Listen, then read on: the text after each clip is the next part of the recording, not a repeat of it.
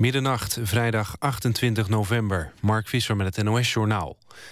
KLM wil de komende vijf jaar 700 miljoen euro bezuinigen. Het bedrijf zegt dat dit nodig is om de concurrentie bij te houden. Tegelijkertijd wil KLM 550 miljoen investeren... in bijvoorbeeld vliegtuigen die zuiniger zijn in gebruik. Tomman Elbers wil niet zeggen of KLM ook werknemers gaat ontslaan. KLM stopt wel per direct met het aannemen van cabinepersoneel. Het ambtenarenpensioenfonds ABP kan de pensioenen volgend jaar definitief niet laten meegroeien met de loonontwikkeling en prijsstijgingen. Dat betekent dat het pensioen ook volgend jaar verder aan waarde verliest. De pensioenpremie gaat wel iets omlaag en de werkgevers nemen een groter deel van de premie voor hun rekening. De financiële bijdrage van het Rijk voor de aanleg van de nieuwe randweg om Eindhoven is van de baan. De Tweede Kamer wil het geld stoppen in de verbreding van de A67 en de A58. Het kabinet had 260 miljoen gereserveerd als bijdrage voor de aanleg... die in totaal 900 miljoen moet gaan kosten. Noord-Brabant is verdeeld over de nieuwe weg. De provincie steunt de aanleg, maar de gemeente Eindhoven niet. In de Europa League heeft Feyenoord de knock-outfase bereikt. In de Kuip wonnen de Rotterdammers met 2-0 van titelhouder Sevilla. Jens Toornstra en Karim El Amadi waren de doelpuntenmakers. Of PSV de knock-outfase haalt, is nog maar de vraag. De wedstrijd in Portugal tegen Estoril werd vanwege zware regenval... na de eerste helft gestaakt. Op dat moment stond Estoril met 3-2 voor. De tweede helft wordt komende dag om 5 uur Nederlandse tijd gespeeld. PSV heeft de KNVB gevraagd om de topper tegen Feyenoord... van aanstaande zondag te verplaatsen. De Nederlandse voetbalvrouwen hebben zich voor het eerst geplaatst voor het WK. Oranje won het tweede playoff-duel in en tegen Italië met 2-1. Het WK is volgend jaar juni in Canada. Dan nog het weer, vannacht opklaringen. Morgen zonnige periode en droog. Bij 4 graden in Groningen en 13 graden in Zuid-Limburg. Dit was het NOS Journaal. NPO Radio 1. VPRO. Nooit meer slapen.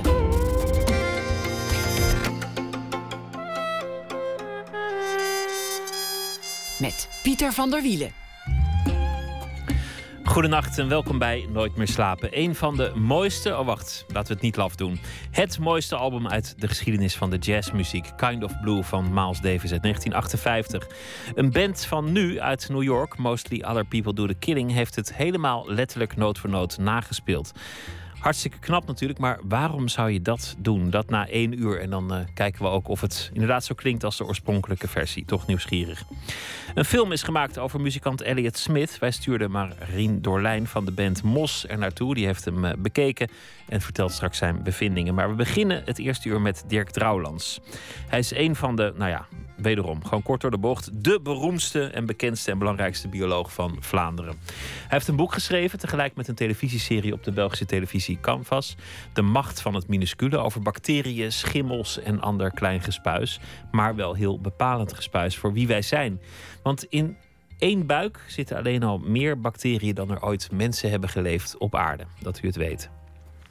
Dirk Drouwlands werd geboren in 1956, studeerde biologie in Leuven, was oorlogsverslaggever in onder meer Rwanda en Somalië. Hij schreef vele boeken, fictie, maar ook bijvoorbeeld een uh, erotische thriller. Hij heeft ook vele boeken geschreven over biologie en televisieseries. In Nederland was hij een van de uh, mensen aan boord van The Beagle, de televisieserie in het kielzog van Darwin. En in Vlaanderen is hij een ware mediapersoonlijkheid. Hij is al daar geprezen, beschimd, beroddeld en soms ook hoofdschuddend nagekeken. Welkom, Dirk Trouwlands. Goedenacht. Dat is een beetje waar, toch? Dat, dat uh, van die mediapersoonlijkheid beroddeld, beschimd, geprezen, hoofdschuddend, nagekeken. Ja, dat is een beetje waar, ja. Ze bestempelen mij soms als de Vlaamse Midas Dekkers. Ik denk dat dat alles zegt. Hè. Oh, dat, dat is heel erg. Ik, ik las ook een, een, eh, een wandelende spermabank. Uh, de, de zilverrug van de Vlaamse biologie. Ja, dat is omdat ik eens, op een gegeven moment het uh, onzalige idee heb gehad om mijzelf te gebruiken als voorbeeld voor bepaalde evolutionaire principes.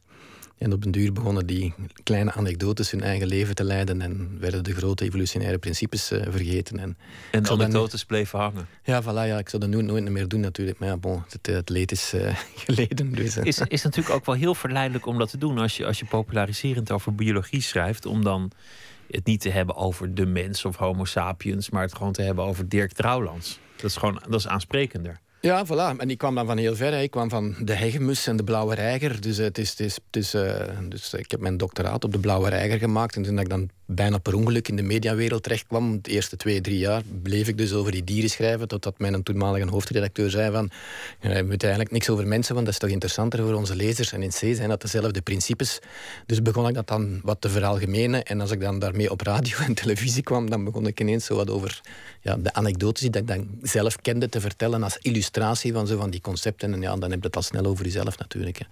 Heb je er spijt van? Is dat wat je zegt? Nee, nee. Ik bedoel, het heeft... Het heeft uh, ja, op de momenten dat er dan een naijver komt en zo, wordt dat dan op een bepaalde manier tegen u gebruikt. En vooral mijn ouders hebben het daar wel lastig mee gehad. Uh, omdat die dan ineens een beeld van hun zoon kregen dat niet strookte met hetgeen dat zij ervan in hun hoofd hadden.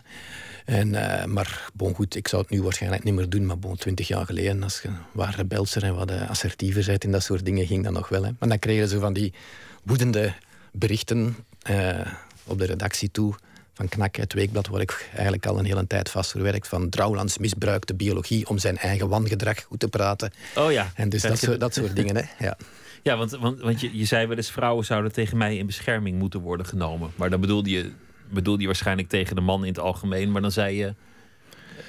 Ja, wat, ik bedoel, ik, ik, het is natuurlijk ook, bedoel, je hebt dan ook wel een bepaald karakter. Hè. Het, uh, in, uh, ik weet dat uh, mijn toenmalige vriendin in een tijd bijvoorbeeld, dat ik in die zware oorlogsverslaggeving zat. Dat was nogthans een, dat is een heel bekende fotograaf nu in België. Die vond het alles behalve plezant. Dat je dus, dat je dus zo'n zo'n bijna rebels en een beetje anarchistisch karakter hebt. En dan zo zonder vrees tussen aanhalingstekens. Want dat was in die eerste jaren wel zo. Dus die al die oorlogen inspringt. Zonder dat je eigenlijk rekening mee houdt met wat het thuisfront daarvan vindt. Dus dat ging ook over dat soort uh, dingen natuurlijk. Dat je een karakter hebt dat niet per se past in het klassieke gezinssfeertje. Dus, uh, maar op een bepaalde manier bleek dat dan ook weer aantrekkelijk voor sommige mensen. Dus uh, is een gekke, een gekke situatie soms. Dat vind ik ook wonderlijk, want ik, ik krijg het beeld uit, uit nou ja, alles wat ik gelezen heb van een, een rebelse jongen, een onrustige jongen, die, die een avonturier eigenlijk in heel veel opzichten. Iemand die ook nou ja, een beetje maling heeft aan, aan, uh, aan allerlei conventies. Maar wel echt vanaf het vroegste begin van je leven zo'n beetje een enorme fascinatie voor de natuur. Mhm. En, en dat associeer je toch vaak met, met uh, jongens met een, eh, een, een kaki bruine nikkerbokker en een vergrootglas. Ja, ja die, die fase heb ik ook wel gehad hoor. Als, okay. als, als jonge, jonge tiener. Ik was een echt nerdje, denk ik, als, ik kwam ook wat achterop in, in leeftijd. Dus ik was altijd wat jonger dan mijn leeftijdsgenoten als, als tiener en zo. Dus maar, ja, terwijl zij gingen voetballen en, en op café gingen gaan, zat ik met mijn vrienden in het bos vogels te zoeken en vlinders te zoeken. Dus, uh, dus, uh, en op een heel brave, brave manier. Ik was ook niet echt uh, een een woesteling in het bos, weet je wel. Het al voorzichtig, niet te zot doen in de bomen en zo. Maar dat is dan met, uh, ja, met, met, uh, met dan zelf in dat onderzoek te komen en, en dan zo echt onder te duiken in die wereld van die blauwe reigers. Ik ging dan ook in het broedseizoen de helft van een tijd uh, 20 meter hoog in de bomen naar die, naar die vogels te zoeken en die vogels te kijken. En dan is dat ineens veranderd. En dan, dan op het moment dat ik dan in de journalistiek gekomen ben en dan bijna per ongeluk in die oorlogen terecht gekomen ben, ik had dan al een aantal nogal zware biologische expedities achter de rug, maar, dat is zo naadloos overgegaan naar dezelfde manieren dat je zegt van je kunt, je kunt even goed mensen gebruiken om, om, om verhalen over evolutionaire principes te schrijven. Dan zeg je van, ja, goed, als je dan toch extreem reist, dan kan je even goed over mensen verslag gaan brengen dan over bedreigde diersoorten bijvoorbeeld. Want daar was bij ons op de redactie minder interesse voor dan voor al die conflicten, zeker in die Afrikaanse context. Omdat wij daar als België een land toch een koloniaal verleden hebben. Dus, uh. Het is wel echt heel iets anders, want, want je bent in uh, Somalië geweest, in uh, 1993 als ik, als ik het goed heb in 1994 in, in Rwanda, toen daar de, de, de gruwelijke genocide plaatsvond. Gisteren was hier Arnold Karskens, oorlogsverslaggever, maar die is echt vanaf dag één oorlogsverslaggever geweest, zal ook nooit iets anders zijn. Dat was ook zijn fascinatie. Maar jij was in essentie nog steeds in, in hart en ziel bioloog. Ja. Nee, ik, ik, eh, ik betrapte mij er dan ook op dat ik als een bioloog naar die, uh, naar die oorlogen bleef kijken en naar mensen in oorlogen. En dan dat je heel snel doorhebt dat hetgeen dat wij cultuur noemen een heel dun laagje is, dat snel weg is en dat dus die basisstrijd uh, om te overleven heel, slecht, heel snel terugkomt als hetgeen dat wij daar rondgebouwd hebben wegvalt. Ik was ook, de, denk ik, een van de allereerste die daar in Rwanda in de genocide in Rwanda niet uitsluitend een politiek afrekeningsproces in zag, maar een demografisch verhaal. Veel te veel mensen kort op elkaar, veel te weinig ruimte. En ineens begint de overheid zo'n oorlog tegen de, tegen de opposanten. En dan denken die mensen van, ah ja, maar ja, dan mogen wij dat ook. En zijn er dus op die heuvels zijn ze dus eh, de buren die een kopje groter waren. Hè, dus de, de, want de, de, de grote, waren de Tutsi, dat waren de slachtoffers tussen aanhalingstekens. En de kleine waren de Hutus, dat waren dus degenen die de genocide in gang zetten. En dat dus de kleinere, de grote letterlijk een kopje kleiner maakten en zo dus dat, dat land konden inpalmen. Dus dat is een verhaal dat ongetwijfeld een hele grote rol gespeeld heeft in, in het besmetten van dat land door die genocidaire ideeën. En dat zie je natuurlijk niet als je die concepten niet in, uh, in je hoofd hebt. Maar als je dat evolutionair bekijkt, het eerste wat je ziet is dat, dat de mens het meest agressieve roofdier is op aarde. Waarschijnlijk. Dat, dat lijkt me althans het beeld wat je krijgt tijdens zo'n genocide. Ja, maar het is, het is langs de andere kant ook het, uh, het uh, in C zijn wij, hebben wij het als soort geweldig goed gedaan. Ik bedoel, wij draaien voor een heel deel op een, op een vorm van samenwerking, waardoor dat, wij zitten nu gezellig met elkaar s'nachts te babbelen, maar er zijn er dus een hele hoop mensen die wij niet kennen bezig geweest met ervoor te zorgen dat wij morgen vroeg ons ontbijt gaan hebben en dat wij op ons werk gaan geraken. Dus we hebben een geweldige manier van, van coöperatie uh, ontwikkeld die, denk ik, nergens anders in de natuur te vinden is. Ik bedoel, je kunt geen 50 chimpansees die elkaar niet, uh, niet kennen samen in een, uh, in een zaal zetten om, om naar een optreden gaan te kijken van nog onbekende uh, dingen. Dat, is, dat wordt gevochten, maar wij kunnen dat wel. wij kunnen perfect samenleven met onbekenden. Maar af en toe loopt dat is fundamenteel fout. En wij hebben natuurlijk de neiging om te focussen op die situaties waarin dat misloopt. Waarschijnlijk om daar dan hopelijk de les uit te leren van hè, liever niet hier, hè, iets van die strekking.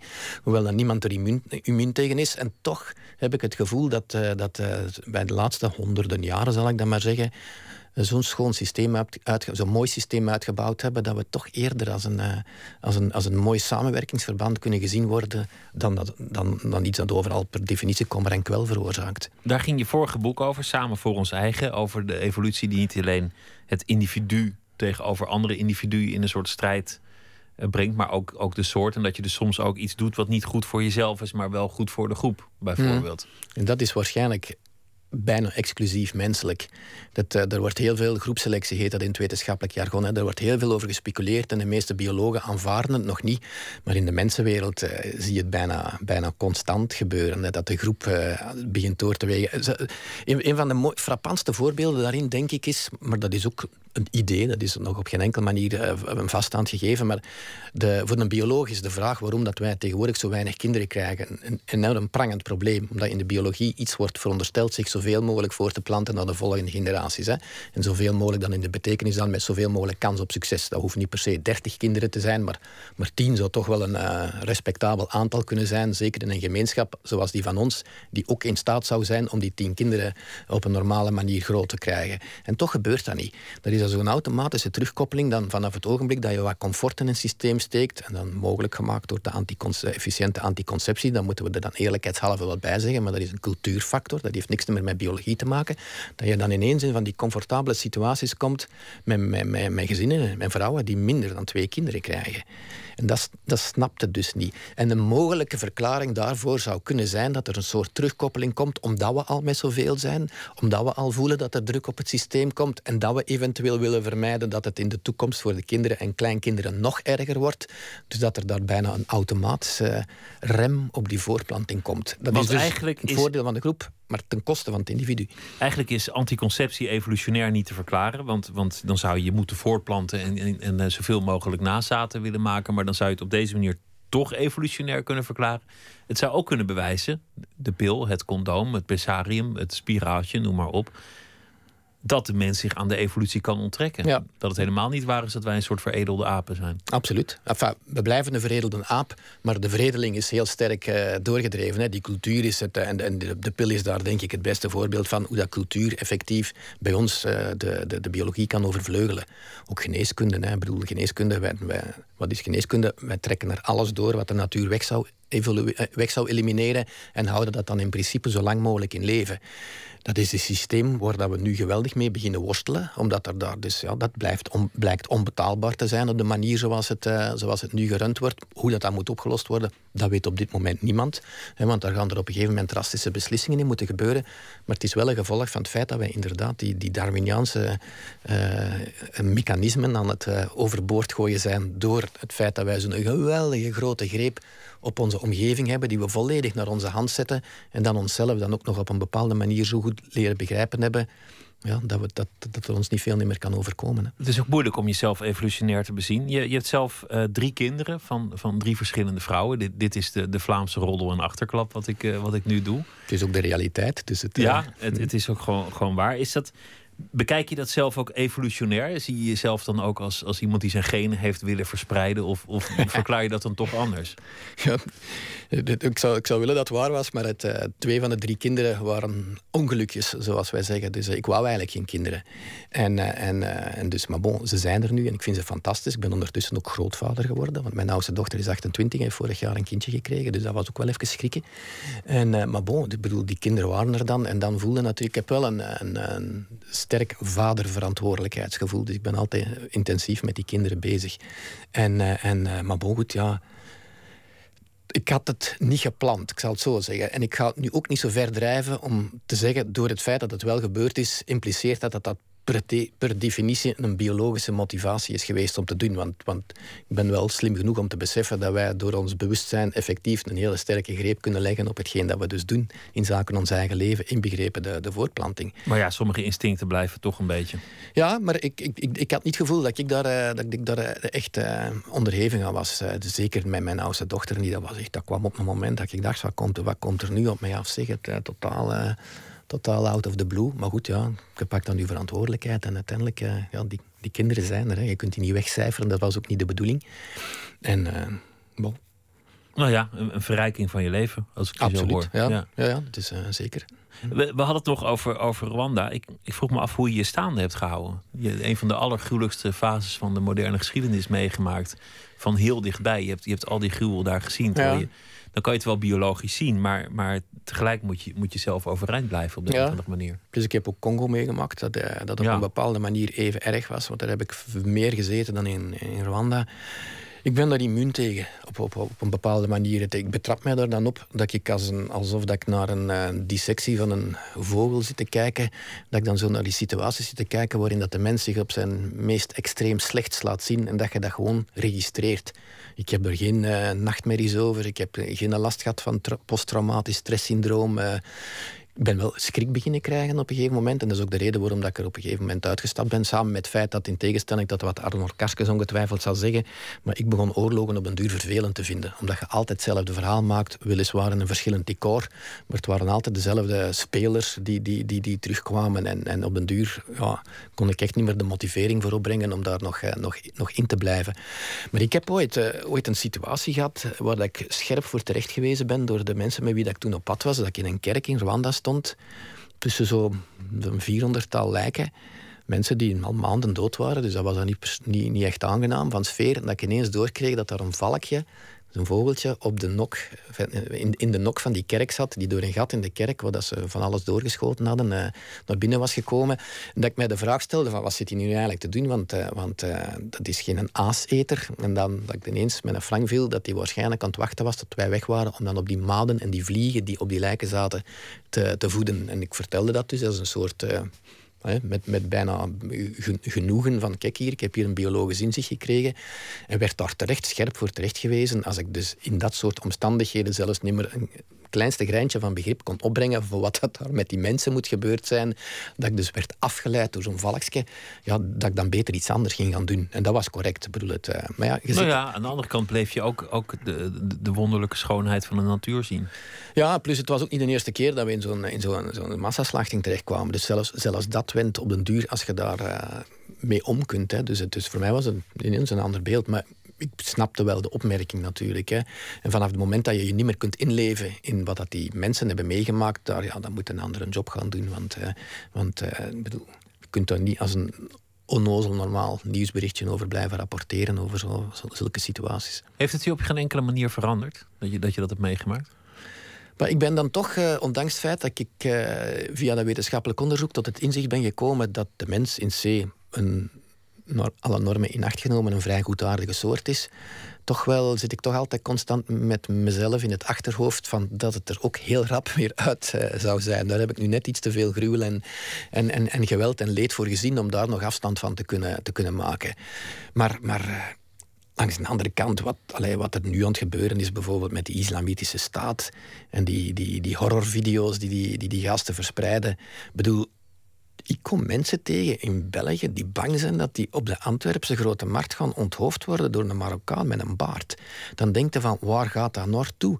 Als ze in in Vlaanderen, een van de rustigste, veiligste landen in de wereld, bang worden om buiten te komen uit schrik voor iets dat ze via de snelle media dan ongefilterd zien binnenkomen en, en dat, dat mijlenver gebeurt. En eh, dan denk ik van, ja, er is hier toch ergens niet juist. En dan vind ik, het, vind ik het interessant om te weten dat je zoiets hebt kunnen zien gebeuren, maar langs de andere kant toch dat je dat direct kunt plaatsen in zijn juiste context van het is een aberratie en ze is ergens verre weg. Laat het ons vooral proberen verre weg te houden.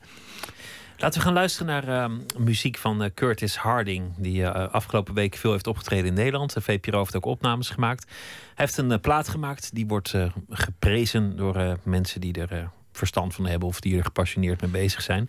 Die plaat die heet Soul Power en het nummer heet I Need a Friend.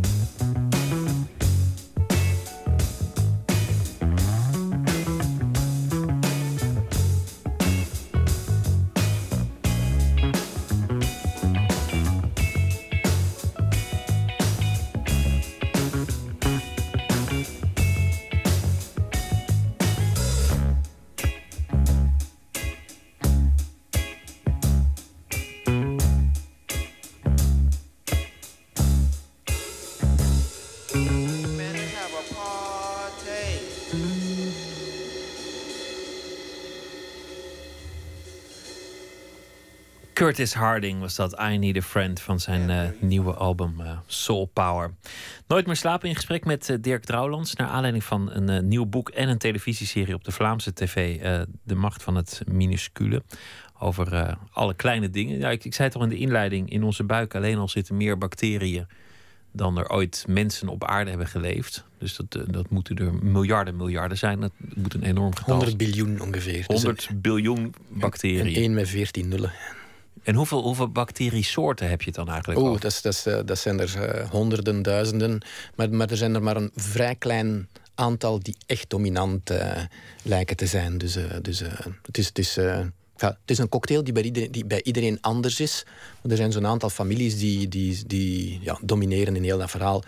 Waarmee niet gezegd is dat ze ondertussen alles al weten. Hè, want men begint die inzichten in die, in die darmflora pas, pas recent eigenlijk goed uh, doorgronden met die nieuwe genetische technieken. Dus ze moeten ze niet meer en zien. Ze kunnen puur op basis van genetische analyse tegelijkertijd uh, uw en mijn darmflora screenen om te bepalen wat erin zit en zo. En er constant nieuwe dingen ontdekt.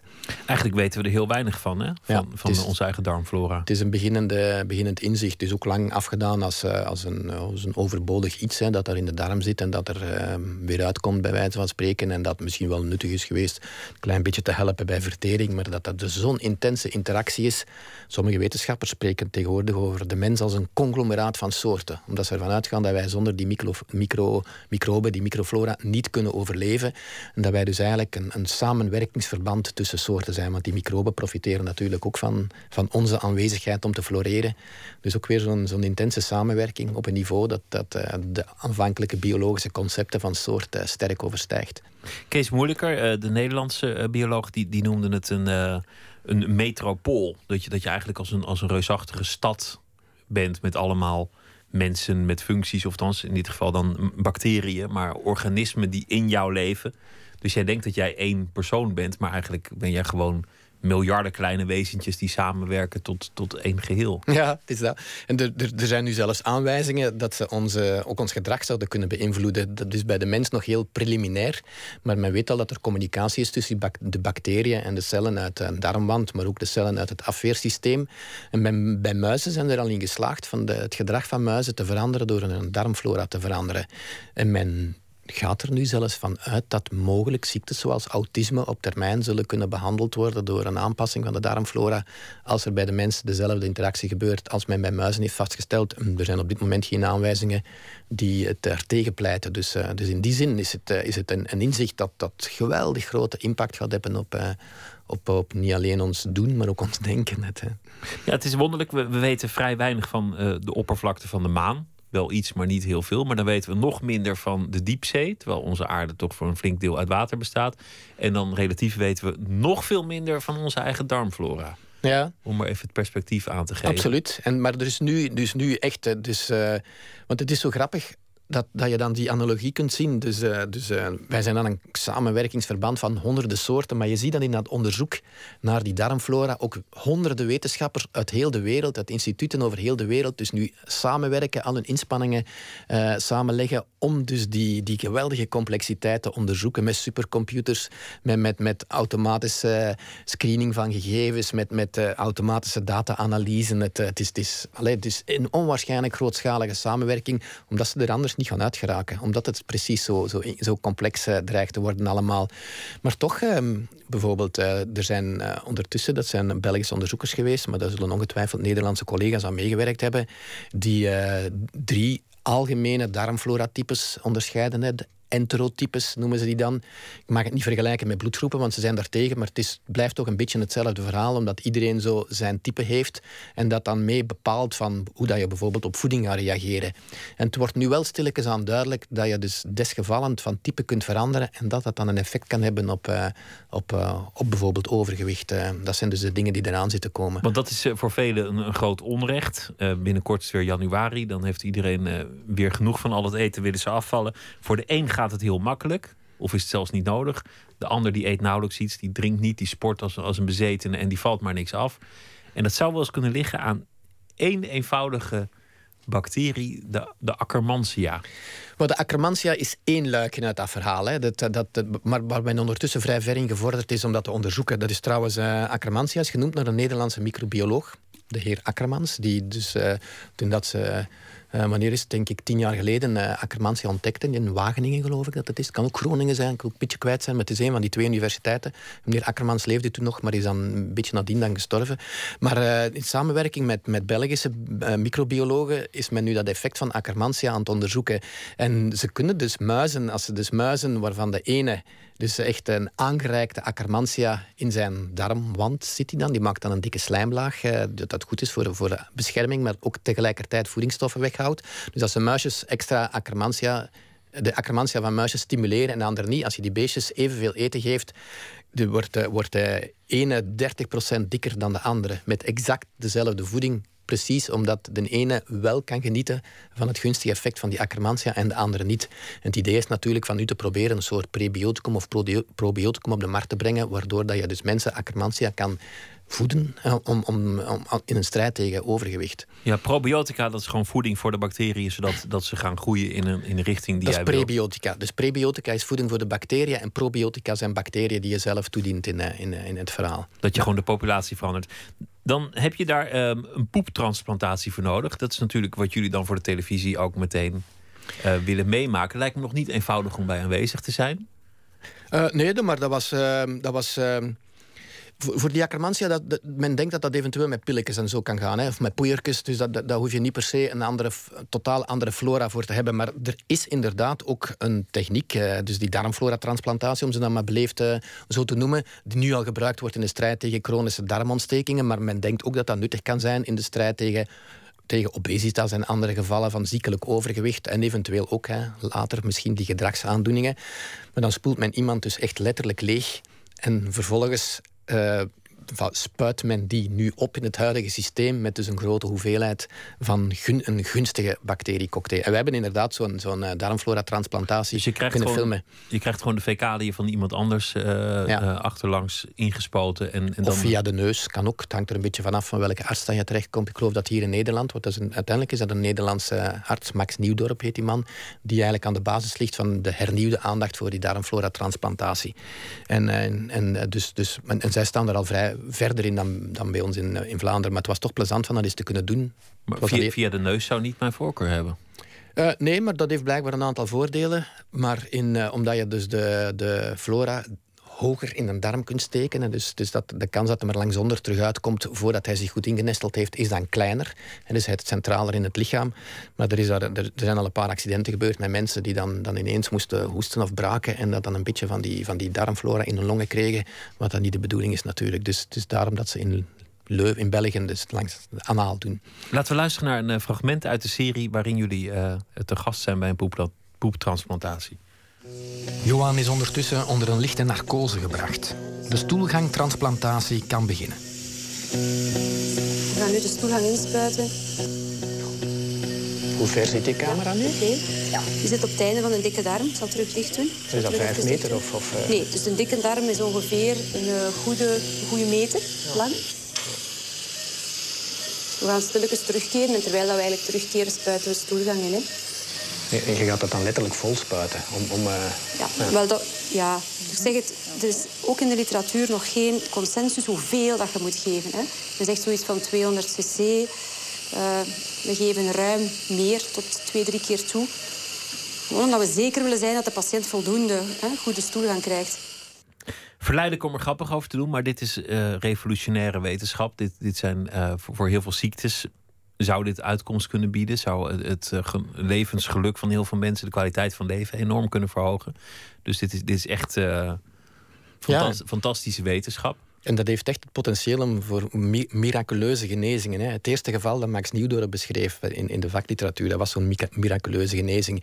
En onze patiënt Johan, dat was ook iemand met een zware darmontstekingen die 10, 15 keer per dag naar het toilet moest gaan en dan alleen voor slijm en bloed uh, uit, de, uit de, te storten, bij wijze van spreken. En, en dus die, die belde mij een paar weken na zijn uh, transplantatie van op, van op een strand in Marbella, waar het hem net gewoon jetskiën was. En hij zat achter, een, achter een, een, een, cocktail. Dus die zijn leven was. Hij was al vijf kilo bijgekomen ook, omdat hem dus als gevolg van, uh, van die transplantatie dus normaal terug kon eten. En was gestopt met roken, want hij rookte tegen zijn chronische darmontsteking. Dat, dat werkt blijkbaar, de nicotine werkt blijkbaar uh, remmend op darmontstekingen. Dus waardoor dat hem, maar hij was zo gelukkig als iets. En, en, dus, en dat kan dus gebeuren. Hè. Dus je kunt blijkbaar in één op drie van de gevallen heb je zo van die miraculeuze genezingen. En alleen maar door, door wat bacteriën te veranderen. Bacteriën hebben altijd een, een slechte reputatie gehad. Vroeger, dat zei je net al, werden ze gezien als een, een overbodig restant van het verleden. En, en moest je eigenlijk bacteriën vermijden. De verhalen over hoeveel bacteriën we onderling uitwisselen. Jij en ik zitten nu met elkaar te praten op, op redelijke afstand. Je geeft iemand een hand, dan wissel je al uit. Hier een, een, een toetsenbord. Als je daar eh, aan zit, dan heb je ook alweer heel veel bacteriën van ander. Dat is natuurlijk een ontzettend leuk onderwerp. Maar hoe breng je dat vervolgens leuk op televisie? Ja, dat is een geweldige uitdaging geweest. Hè. Dus, dus eerst hebben een, een mooi onderwerp. Dan heb je mensen die eraan willen meewerken. Wetenschappers die dan nog met topwetenschap bezig zijn. Maar dan zit je dus met de prangende vraag van hoe doe je dat dan? En dan moet, nou, we hebben dan een paar experimenten proberen op te zetten om wat dingen te illustreren. dus het is, ik heb zelf twee weken lang een heel zwaar ongezond dieet gevolgd. Dus morgens spek met eieren, middags uh, een McDonald's en s'avonds zo van die voorgekoude lasagnas. En tussendoor alleen frisdrank en bier uit blik. Om, om te kijken of mijn darmflora zich daaraan aanpast. En effectief. En dat hadden we een vegetarische dame die twee weken lang vlees gegeten heeft. En een vleeseter die twee weken lang vegetarisch gegeten heeft. En je ziet inderdaad die switchen van die, van die darmflora. En zo kan je dat dan aanschouwelijk maken. Hè. Dus dat, dat analyseerden jullie gewoon in het laboratorium? Dat werd dan die, dus wij, wij namen dan elke dag een staal van de stoelgang, zoals dat dan heet. En dan, dus, uh, dat ging dan naar dat labo, waar dat, uh, dus, dus Jeroen Raas en zijn mensen hè, van het Vlaams Instituut voor Biotechnologie, die ex wereldexpert zijn in, in dat werk, en die hebben dat dan geanalyseerd en, uh, en, en gepresenteerd op de televisie. Dus zo deden we dan een... we, hadden ook een heel, we hadden ook het geweldige idee, en dat vond ik natuurlijk als presentator heel plezant, om een kusexperiment te doen ook. Dus een dame die ik nog nooit gekust heb, zo'n zo aantal dagen intens kussen en kijken of dat er dan een aanpassing van, darm, van, van, van, van flora in de mond zou zijn. Wat dat evident is, dat zou gebeuren. Maar uh, de regisseur vond op een gegeven moment dat als er nu één ding heel saai was, was het kussen op tv, want dat gebeurde constant. Dus ze hebben dat plan dan afgevoerd. Het, uh... is een beetje belegen geraakt, hè, het kussen op tv. Ja, ja, dus de, de, de ja. Jullie hadden ook het idee om, om uh, het wijwater, dat is natuurlijk in, in, in, in, Vlaanderen wat meer misschien aan de hand dan, dan in Nederland, maar het wijwater in de kerk te onderzoeken, omdat iedereen zijn hand er steeds ja. in stopt zonder dat het ooit vervangen wordt. Er was dus een studie over in, ergens in het buitenland waaruit blijkt dat dat een van de meest uh, bacterierijke um, omgevingen is die, die ze ooit hebben onderzocht. He, dat water wordt ook zelden of nooit ververst. En iedereen zit er met zijn vingertoppen in. Dat is ook maar een kleine hoeveelheid. Dus, uh, maar, maar ja, bedoel, er zijn nog maar zo weinig kerken en zo, zo, zo weinig wijwatervaatjes uh, dat we dat dus op een duur ook hebben laten uh, schieten als idee. Omdat je daar inderdaad... Daar gaat de pandemie niet beginnen. Voilà, daar gaat het niet meer. Uh, computerklavieren zijn wat dat betreft een veel mooier. dat hebben we dan niet gedaan, omdat het... Enfin, al, al iets te frequent was gebeurd. Maar, uh, maar in de meeste huizen zijn computerklavieren zowat de meest uh, met microben besmette uh, voorwerpen die je kunt vinden. Schimmels gaat het ook over. En um, ja, bij België denk je aan bier. Jullie hebben bier gemaakt, bananenbier zonder bananen. Ja. Hoe doe je dat? Dat, dat, was zelfs niet zo geweldig moeilijk, maar er zit een heel mooi verhaal achter. Dat is dus ook Kevin Verstrepen, dat is ook uh, van de Leuvense tak van het Vlaams Instituut voor Biotechnologie en een van de, van de belangrijkste wetenschappers in België. Nog een vrij jonge gast, ook heel rock en roll, ook zo heel tegen het beeld dat de meeste mensen van de, van de wetenschap uh, hebben, die dus uh, gisten op grote schaal genetisch manipuleren in onderzoek naar fundamentele uh, principes, onder andere in de strijd tegen kanker en zo, kijken wat er gebeurt. En met gisten kan je dat gemakkelijker manipuleren. Maar hij zit uiteraard ook in een brouwe, brouwerijsector, omdat gisten daar cruciaal voor zijn. En die kunnen dus... Ehm, de, veel van die gisten hebben fruitaroma's in zich.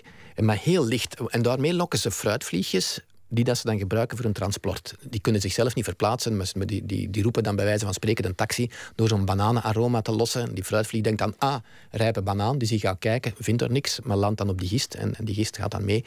En dus ze kunnen nu die bananenaroma's door in die gisten zelf een aantal genen te verplaatsen, kunnen ze die bananenaroma's zo sterk versterken dat je daar dus een bier mee kunt maken dat naar bananen smaakt, zonder dat er een banaan aan te pas komt. Ze beweren zelfs dat, ze, dat één druppeltje van dat aroma, van dat gistaroma in een zwembad zou volstaan om dat zwembad een lichte exotische bananengeur mee te geven. Dus zo krachtig kan dat zijn. En we hebben dat dus gemaakt, om, eh, vooral als een illustratie, om niet alleen hoe dat je genen uh, in gisten gemakkelijk kunt manipuleren, maar ook als een illustratie. Kijk mensen, bedoel, je moet niet zo, uh, zo argwanend en afwijzend liggen te doen ten opzichte van genetische manipulatie. Dat is een techniek die er is, een techniek die waardevolle toepassingen kan hebben, waar dan men voorzichtig mee moet zijn, maar ligt toch niet op voorhand alle mogelijke ontwikkelingen al tegen te houden uit schrik voor iets wat er eventueel uh, mis kan gaan lopen. Zo, zo, wordt er geen vooruitgang geboekt.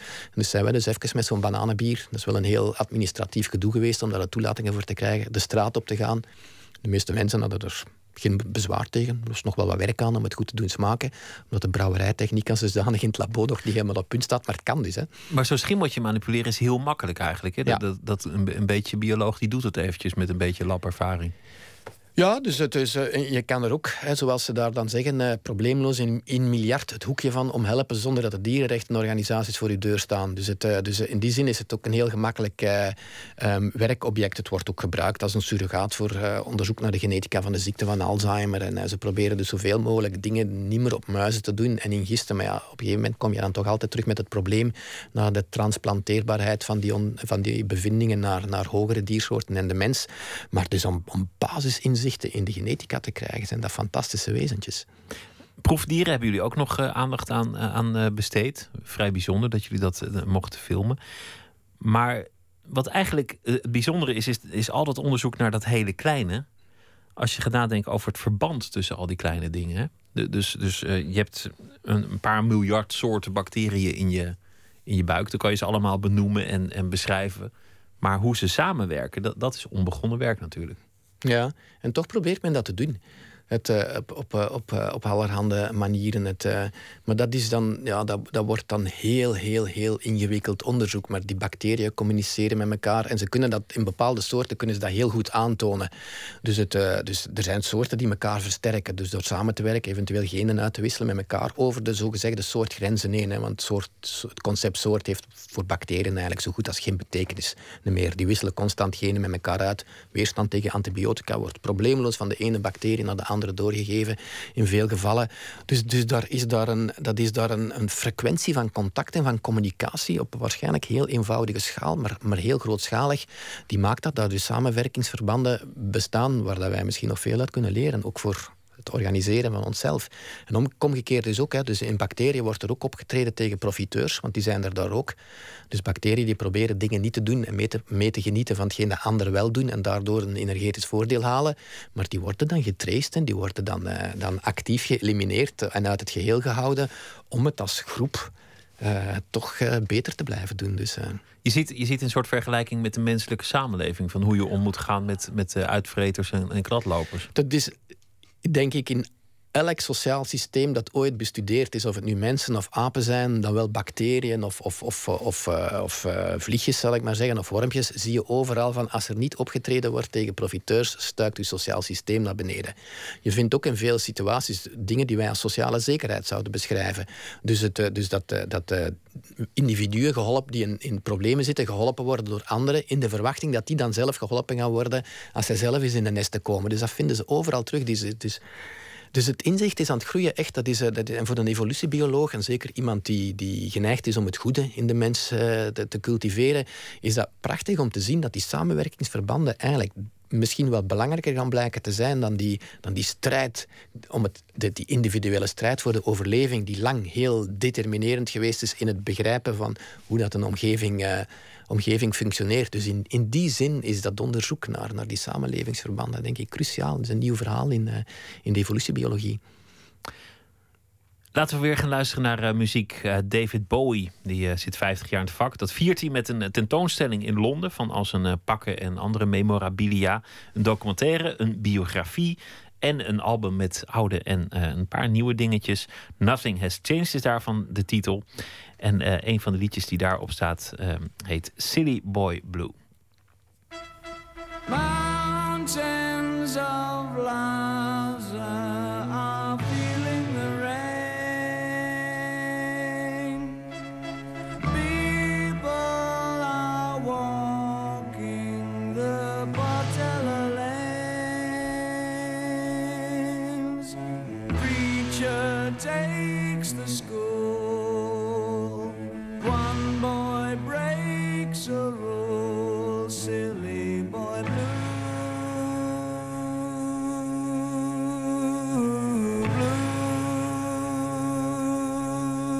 silly boy blue.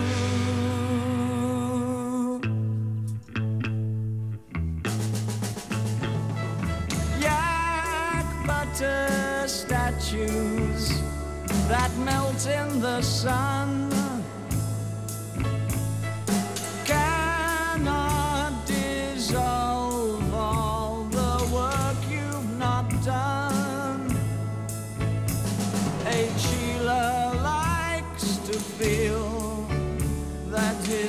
myself pays the bill, silly boy blue, blue, silly boy.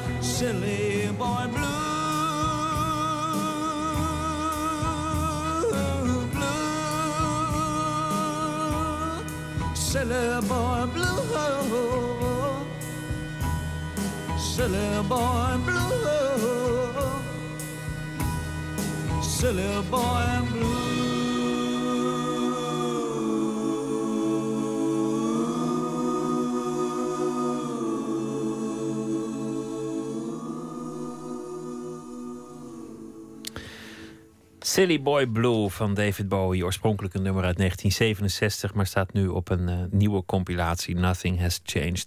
Nooit meer slapen in gesprek met eh, de Vlaamse bioloog eh, Dirk Drouwlands. We gaan even flink een stap terug in, in het gesprek. Want, want jij vertelde dat, je in een kerk stond waar, waar 400 mensen waren afgeslacht. En waar die, die lijken lagen te ontbinden. En dat toch je oog viel op een, op een vogel die die kerk in was gekomen. En die wachtte tot iedereen weg was, zodat hij van de insecten kon, kon eten daar werd je toen door, door de mensen die er ook waren op aangevallen. Van je bent afgestompt, je hoort er niet meer te zijn. Dit, dit zou je niet eens mogen opvallen. Het is natuurlijk ook de, de relativering, de ultieme relativering die de natuur in zich heeft. Dat is uiteindelijk wat een mens is, voer voor de maden. De een is een gruwelijke dood gestorven, de ander die, uh, die eet er weer van. Het, het Mhm. systeem als geheel gaat door. Zoals, zoals jij gaat dood, maar die bacteriën die in je maag zitten, die vinden wel weer een andere bestemming. Ja. Ik ben een grote tegenstander tegen cremeren. Van, van, van, eh, van cremeren. Ik bedoel, cremeren is, eh, is massa omzetten in vluchtige energie. Ik wil gerecycleerd worden door de natuur. Dus ik wil gewoon begraven worden. Zelfs zonder kist als het eh, nodig moest zijn. Om dan door de bodemdiertjes gerecycleerd te worden in nieuwe bodemdiertjes. En, en die dan, dan eventueel energie produceren. Dat dan via schimmels of bacteriën in de planten terechtkomt. Die dan door een koe wordt opgegeten. Ik wil gewoon gerecycleerd worden. En niet gewoon verdampt in, in niks. Nou ja, oké, dat- dat- leg het vast. Hè? Ja, wel, dat is de, mensen, de mensen in mijn omgeving weten dat. Ja. Dus Ja. dat, eh, ja. Ik gebruik dat ook als een statement, om, om, omdat mijn, mijn, mijn crematie wordt nu beschouwd als het van het. Er is nu iets nieuws opkomt. Hè. Wat, wat is het nu weer? Uit de uitdroging, of, hoe- hoe noem je het weer? Of, eh, maar goed, mijn is... Ik, ik vind crematie zo onbiologisch. Wat is er nu mis mee om gerecycleerd te worden door de wormpjes en de kevertjes? Dat versta ik niet. Hè. Het schijnt dat ze tegenwoordig helemaal niet meer goed afbreken, omdat die kisten veel te sterk zijn. En die mensen hebben vaak ook nog een chemokuur gehad op het laatst van hun leven. Dus, Ja. dus die, die wormpjes die hoef je helemaal niet meer. Nee, vandaar dat ik zeg, dus het hoeft zelfs niet mijn kist te zijn. Ze mogen mij ergens gewoon in de grond eh, steken. Gewoon in de grond. Ja. Je zei aan het begin, ehm, eh, vroeger heb je nog wel een soort, ja, misschien jezelf tentoongespreid en, en een bepaalde persoonlijkheid eh, al dan niet moedwillig verworven in, in de Vlaamse pers. Je was een onrustige jongen, tegendraadse jongen, iemand die, die ook, ook erop uit moest. Dus daarom kwam je ook in Afrika terecht. Eerst op expeditie en toen, toen eh, als oorlogsverslaggever. Ook een zekere onrust die je, die je in je eigen leven had met, eh, met, met de liefde en dat soort dingen. De indruk die ik krijg is dat- je, dat je met de jaren veel milder en veel rustiger bent geworden. Ja, dat is waar. Klopt Ik heb zo niet, niet meer. eh, ik heb op dit moment bijvoorbeeld geen plan voor een buitenlandse reis. Ja, een, een cruise in de zomer met eh 500 knaklezers op een boot naar eh, Spitsbergen. Maar dat is bezwaarlijk eh, van hetzelfde kaliber als hetgeen dat ik vroeger deed. En, en die, Nou ja, dat is toch flink, flink wat nog steeds, Spitsbergen. ja, maar, maar dat, is, dat is gezellig. Want, vorig jaar hebben we er eentje gedaan. En dat was van de vorige zomer. En dat was, dat was gezellig. Maar die, die oorlogen, dat doe ik sowieso niet meer. En ik denk ook dat ik... ik, ik, ik bedoel... Ik ben ook... De, mijn, mijn jongste kinderen zijn nu 8 en 9. Dus dat is, eh, dat is zo'n verhaal van, van... Ik wil er wat meer bij zijn dan met de, dan met de oudste. Die een verhaal van toch wel veraf was op een bepaalde manier. Wel betrokken, maar, maar veraf. Dus eh, dat speelt dan toch allemaal. Het, eh, dus het eh, wat rustigere projecten ook. Filmen in de plaats van hè, dus, met de VPRO acht maanden lang de wereld rond te zeilen, wat een fantastische reis was. Ook, ook geweldig goed geproduceerd, dus, dus je verloor nergens tijd, bij wijze van spreken. Dus zo waanzinnig veel meegemaakt. En toen dat ik thuis kwam, toen, toen, ja, dat was zo het gevoel van nu hoeft er echt niks meer. Dat was zo het ultieme samenkomen van alles waar ik in mijn leven mee bezig ben geweest in één project, dat dan ook nog lang genoeg duurde om er echt in te kunnen verdwijnen. En ja, het is, het is, eh, nu, nu mag toen mocht het stoppen. En nu zit ik rustig thuis te lezen en eh, te bedenken van eh, wat kan ik thuis filmen. Ook de neiging om, om af en toe een commentaar eh, in, in, de, in de Vlaamse pers eruit te gooien... waar mensen dan weer even boos om worden... die is ook wat minder geworden, heb ik de indruk. Maar dat zeg ik op enige afstand, want ik, ik lees ook niet elke week de knak. Maar Ja, het is nu, nu op dit moment is het toch weer even aan het stormen. Omdat ik mij onder meer met die aflevering over die proefdieren en, en met, met die toestanden rond genetische manipulatie, wat ik dus niet snap. Dus in 2011 bij ons een proefveld met genetisch gemanipuleerde aardappelen, gedeeltelijk vernietigd door activisten. En, en ik, begin, ik begin mij tegen die activisten te, te keren. Ik snap niet dat die niet in een democratisch proces mee kunnen nadenken over hoe dat je zo'n technologie best in de maatschappij zet. Ik snap niet dat er mensen zijn die je kunt wijsmaken dat proefdieren ik zou het nooit kunnen hè, met die proefdieren werken. Maar bedoel, ik ben wel verstandig genoeg om te begrijpen dat, dat er geen Alzheimer-medicatie gaat niet zomaar uit de lucht komen vallen. Ik bedoel, daar gaan experimenten voor nodig zijn en, en daar mag dan nog gediscussieerd worden over, ja, die muizen, dat leert ons niks over mensen. Ik bedoel, dat leert wel van alles over die ziekte. Misschien niet onmiddellijk een toepassing, maar ik snap niet dat er mensen zijn die je kunt wijsmaken dat proefdieren eh, zomaar verboden kunnen worden, maar dat de geneeskunde en de farmaceutische industrie op dezelfde manier gaat blijven functioneren. En dat zijn dan zo'n kortzichtige redeneringen en dan knal ik daar dan keihard tegenaan, hè, met, met, met gevolgen. Die aflevering over proefdieren was heel neutraal gefilmd. Dus de Universiteit van Leuven heeft daar deuren opengezet. We mochten filmen wat dat we wilden. Er is regelmatig discussie en debat geweest. Maar in C was dat een open, eh, open invitatie. En het is ook zo gepresenteerd als een open visita- Het is ook zo gemaakt als een open invitatie. En er is apenproeven te zien, een open hartoperatie op varkens eh, te zien. Dus het, het is niet dat we de dingen hebben willen, willen verdoezelen. Scheldkanonades, doodsbedreigingen. Ze moeten mij gebruiken voor die experimenten in de plaats van die zielige dieren. Je begrijpt het niet meer. Bedoel, En, en je snapt niet meer hoe dat mensen zo kortzichtig kunnen zijn. En dan kom ik dus altijd op mijnzelfde verhaal. Wij hebben het hier in Europa zo geweldig goed dat iedereen denkt van, van dit dat ons een beetje stoort eigenlijk niet meer nodig. Terwijl het dan niet waar is natuurlijk. Kortom, je bent nog wel strijd, strijdlustig. Het Af is- en toe, ja. af en toe, als, Ja. als het ergens over gaat. Wat, wat heeft het je eigenlijk geleerd? Die, die, die reis met de Beagle bijvoorbeeld. Je bent op plekken geweest waar amper ooit iemand komt. Eh, plekken waar, waar de natuur op aarde. Nou ja, dat, dat was eigenlijk ook een deel van de serie. Om ook op plekken te Ja. komen waar, waar de mensen niet komen. Anders dan hoef je het niet uit te zenden. Je bent geweest eh, eh, in, in Rwanda, waar we, het, waar we het net over hadden. Je, je hebt talloze boeken gelezen over de menselijke aard. Jezelf liefst als, eh, als voorbeeld nemen, in, in het begin althans. De Beagle was, was een geweldige ervaring. Om te beginnen heb ik daar geleerd dat de VPRO een geweldige krabbenmand is.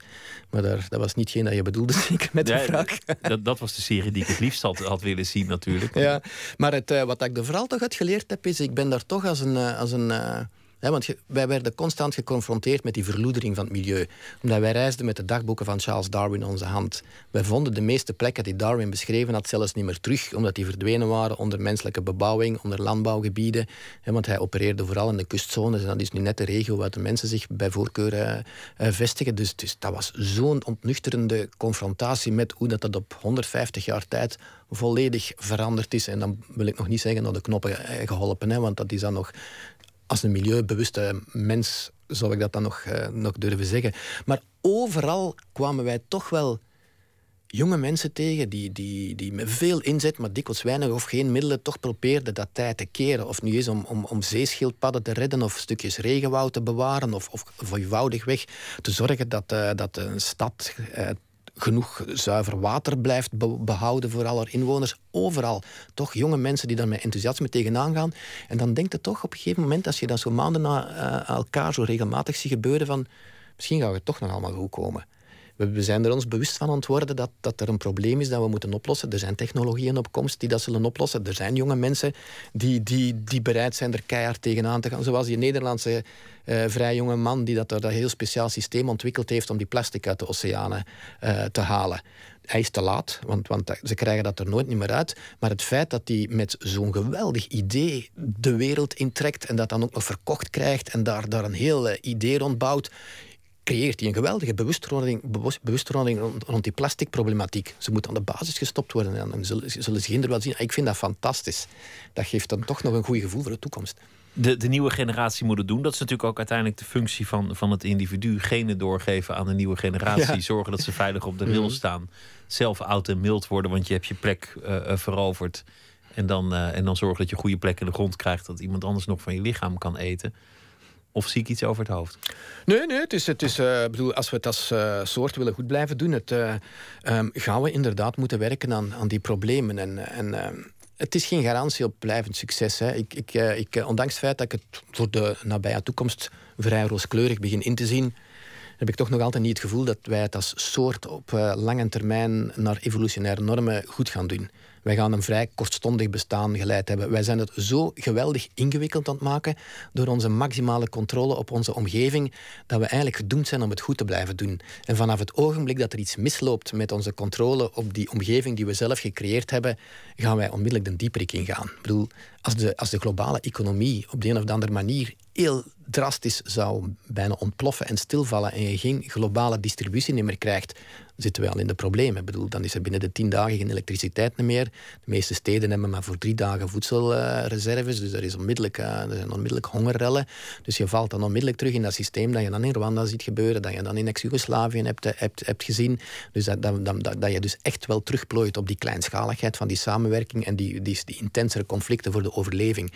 Dat is een, eh, dat is een, dat is een beeld waar dan niemand vandaag de dag... Uh, dat is islamitische staat, hè, dan krijg je dat, die sfeer dus terug dat is ja, de weg terug. En ene keer de weg terug is ingeslagen. Als dat op globaal niveau, gebeurt, vrees ik dat we er niet meer uh, uit geraken. Dus je bent optimistisch over de nieuwe generatie, maar uiteindelijk pessimistisch over de, over de menselijke soort. Kan, kan ik dat samenvatten? Ja, zo is het perfect samengevat. En je eigen bestaan, hoe, hoe kijk je daar uh, op terug? Je, je, zit, uh, je bent van, van 56, dus ik denk laat niet. zeggen een beetje de helft. Ja. Ja, ben, ben ik gul, maar... Oh, ik, ik, ik, ik, heb niet het gevoel dat ik heel oud ga worden. Maar bon, dat is op dit moment niet aan de orde. Maar ik heb wel het gevoel dat ik eh, geen ander leven had kunnen leiden dan dit leven. Ik bedoel, ik heb het geluk gehad. En dat is echt toeval geweest door een paar keren. Geluk gehad dat ik dus met, met mijn karakter en met mijn uh, inzichten... Ik heb bijvoorbeeld te weinig wiskundig talent om een goede wetenschapper te, geweest te zijn. Dat, dat, dat, dat, dat besef ik nu. Dus ik heb, ik heb geluk gehad dat ik in die journalistiek terechtgekomen ben... waar dat mijn capaciteiten om de dingen in de wetenschap te zien, uh, wel konden renderen. Dus heeft geweldig veel gezien. Het is, je zult dat ook wel weten, het is niet de meest dikbetaalde eh, job dat je kunt indenken, maar het is wel een verrijkende ervaring om het te kunnen doen en dat is uiteindelijk het belangrijkste geweest. Dus, dus uh, in, als ik ooit uh, moet terugblikken, gaat dat toch wel met een vorm van tevredenheid zijn. Ik hoop ooit nog op het, uh, het, boek De Beagle achter de schermen. De, de, de, de roddelmachine tij, tijdens jullie tocht bij de VPRO. Die was, was legendarisch. Over wie er nog wel aan boord mocht, met wie. En uh, als hij aan boord komt, dan ga ik van boord af. En, en oh, snel iedereen de keuken uit, want dan komt de volgende weer binnen. Dat, dat boek ja. over evolutiebiologie gesproken, dat moet nog een keer... Ja, het was natuurlijk ook te veel gevraagd. Al die al die mannetjes op één zo'n boot en dan de wereld rond. Dat... Het was, het was ja, allee, bedoel, ik, ik, weet, ik, ik had dat tv-ervaring, dus ik weet dat tv een wereld vol ego's is. En ik weet dat ze in Nederland ook wat assertiever zijn dan in Vlaanderen. Maar ik had niet gedacht dat de combinatie van de twee zo dramatische proporties kon aannemen als tijdens die VPRO-reis. Nu moet ik zeggen, ik heb er ook geweldige mensen in tegengekomen. Ik las nu toevallig vandaag nog, en ik hoop dat hem luistert, een, uh, een analyse van een wetenschappelijke publicatie van Mardik Leopold, een, een bioloog van, uh, van, uh, van Texel die nu ontdekt heeft dat de grijze zeehonden, de bruinvissen in onze zee aan het, aan het aanvallen zijn. En, ja, het lieve imago van de zeehond naar de galamiezen. Voilà, ja, ja, ja. Dus, maar maar dat, is, dat is ook weer natuur, weet je wel. Dat is, dat is een natuur die speelt, soorten die terug de kop opsteken. En, en, en, maar Mart, ik was zo'n geweldige, aangename mens om te ontmoeten, die vergeet ik nooit. Leuk om te horen. Dank dat je te gast eh, wilde zijn, Dirk Drouwlands. En eh, veel succes met uh, al je projecten en alles wat je gaat doen. Dank je wel. Nooit meer slapen gaat zo verder. Twitter, het VPRO NMS of de mail nooit meer slapen, VPRO.nl. Graag tot straks. Op Radio 1, het nieuws van alle kanten.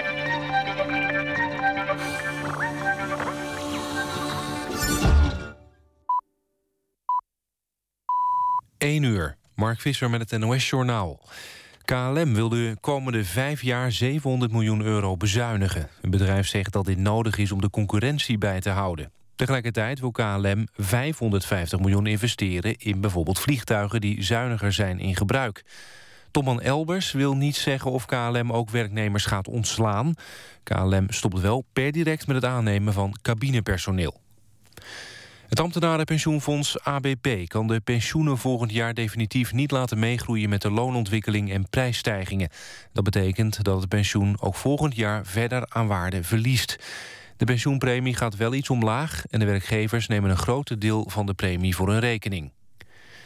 De financiële bijdrage van het Rijk voor de aanleg van de nieuwe randweg om Eindhoven is van de baan. De Tweede Kamer wil het geld stoppen in de verbreding van de A67 en de A58. Het kabinet had 260 miljoen gereserveerd als bijdrage voor de aanleg... die in totaal 900 miljoen moet gaan kosten. Noord-Brabant is verdeeld over de nieuwe weg. De provincie steunt de aanleg, maar de gemeente Eindhoven niet. In de Europa League heeft Feyenoord de knock-out fase bereikt. In de Kuip wonnen de Rotterdammers met 2-0 van titelhouder Sevilla. Jens Toornstra en Karim El Amadi waren de doelpuntenmakers. Of PSV de knock-out fase haalt, is nog maar de vraag. De wedstrijd in Portugal tegen Estoril werd vanwege zware regenval na de eerste helft gestaakt. Op dat moment stond Estoril met 3-2 voor. De tweede helft wordt komende dag om 5 uur Nederlandse tijd gespeeld. PSV heeft de KVB gevraagd om de topper tegen Feyenoord van aanstaande zondag te verplaatsen. En de Nederlandse voetbalvrouwen hebben zich voor het eerst geplaatst voor het WK. Oranje won het tweede play-off-duel in en tegen Italië met 2-1. Het WK is volgend jaar juni in Canada. Het weer tot slot. Vannacht opklaringen en minimaal rond 3 graden. Overdag zonnige periode en droog. 4 graden in Groningen tot 13 graden in Zuid-Limburg. Dat was het NOS Journaal. NPO Radio 1. VPRO. Nooit meer slapen.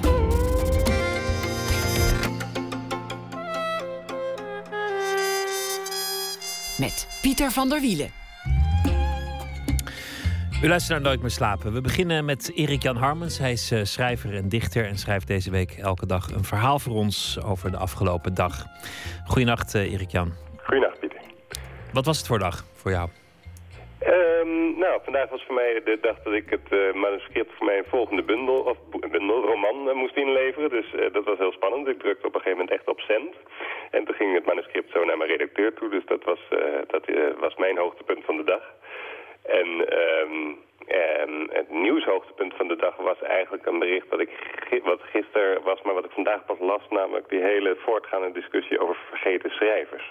En dat was iets wat, daar stond vorig weekend iets over in de Volkskrant, uh, over vergeten schrijvers en allemaal, allemaal fotootjes van die vergeten schrijvers, waarop vervolgens um, daar afgebeelde schrijvers zeiden, wij zijn helemaal geen vergeten schrijvers. Dus dat werd een soort, uh, de, afgelopen dagen is dat een soort... Uh, running gag geweest van is een vergeten schrijver nou wel echt vergeten en zo. En de grap was ook wel dat er uh, door de Volkskrant was het één foto van Maria Stali was opgenomen in de galerij van vergeten schrijvers, terwijl een week daarvoor nog een recensie over haar laatste roman in de Volkskrant stond. Dus dat was dan wel weer grappig.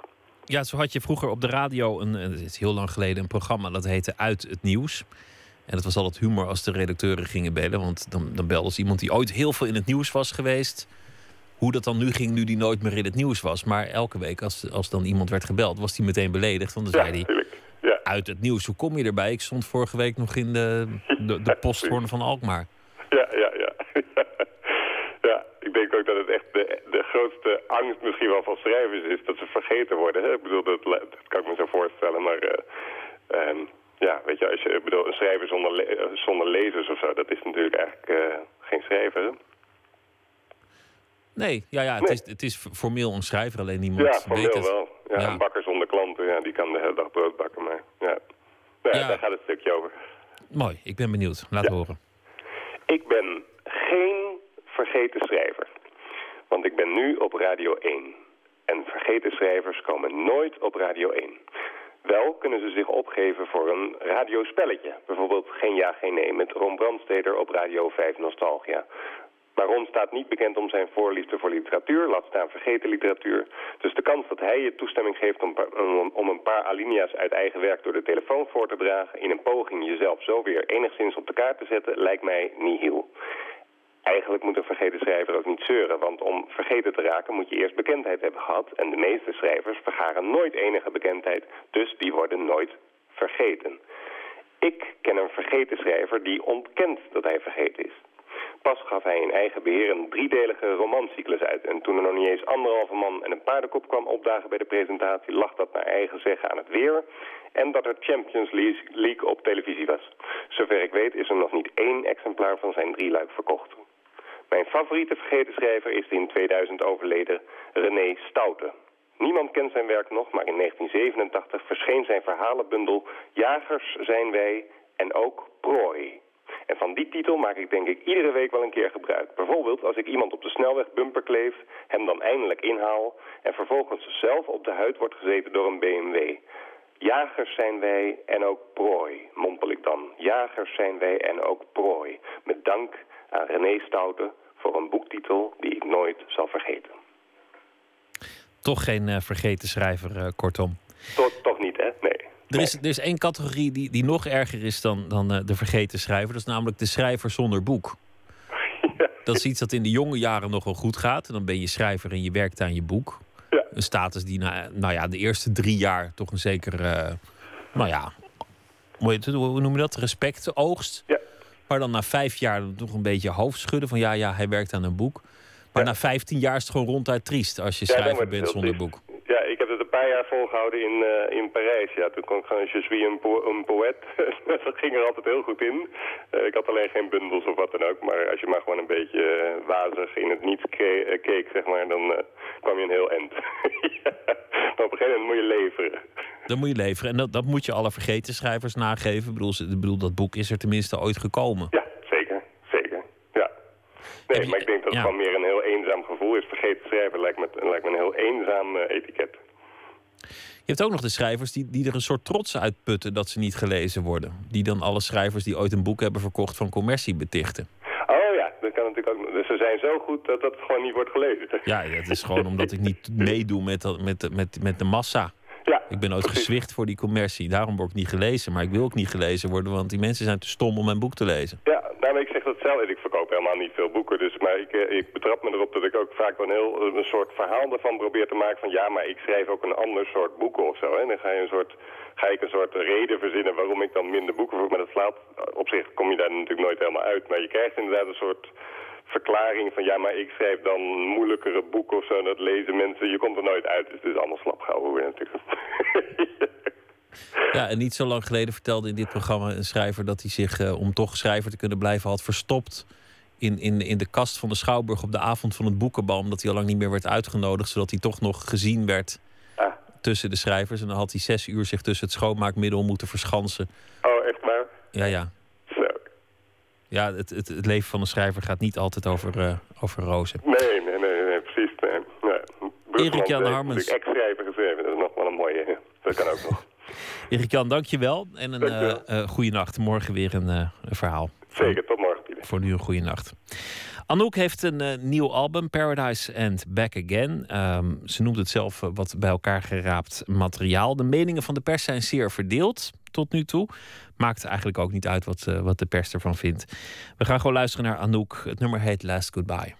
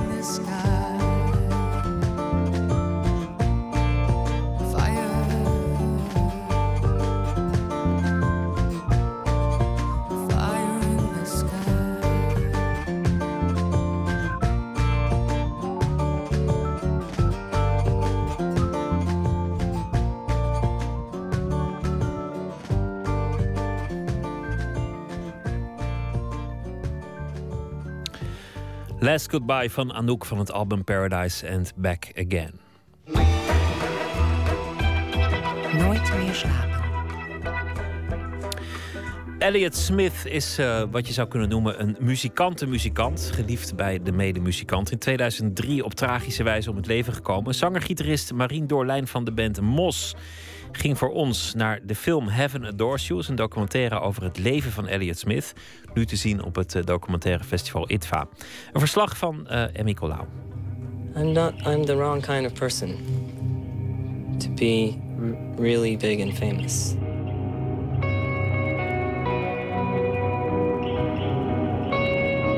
Je moet het een beetje, je moet het een beetje snappen. Hij zingt nogal zacht en zeurderig. En veel vrienden van mij ook nu nog steeds... Oh ja, dat Smit, dat Smit. Ja, ja, dat je daarnaar kan luisteren. Ja, maar ik word er heel... Het is, het is heel... Het zijn hele mooie akoestische, uh, Beatleske liedjes.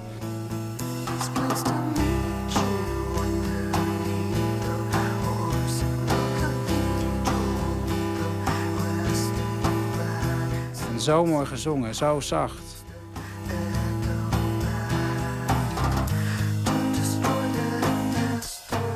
Je houdt ervan of niet. En als je niet van houdt, dan zul je er nooit van houden. Het is, het is, het is typisch Elliot Smith. Het mogen duidelijk zijn. Marien Dorlijn, de frontman van Mos, hoort overduidelijk tot de categorie liefhebbers. Hij leerde de muziek van Elliot Smith in de jaren 90 kennen. Ik merkte al na het tweede nummer raakte het me gewoon meteen. Toen dacht ik van oké, dit dit, dit vind ik heel erg goed. En, en de manier waarop hij ook zijn muziek... Uh, hij, volgens mij dubbelde hij ook alles. Als hij opnam, normaal zou je zeggen van ik speel gitaar en zing in één keer. Dat, dat zit, maar hij dubbelde alles. Dus dan nog een keer inzingen en dan nog een keer diezelfde gitaarpartij eroverheen. Waardoor het heel dwingend wordt.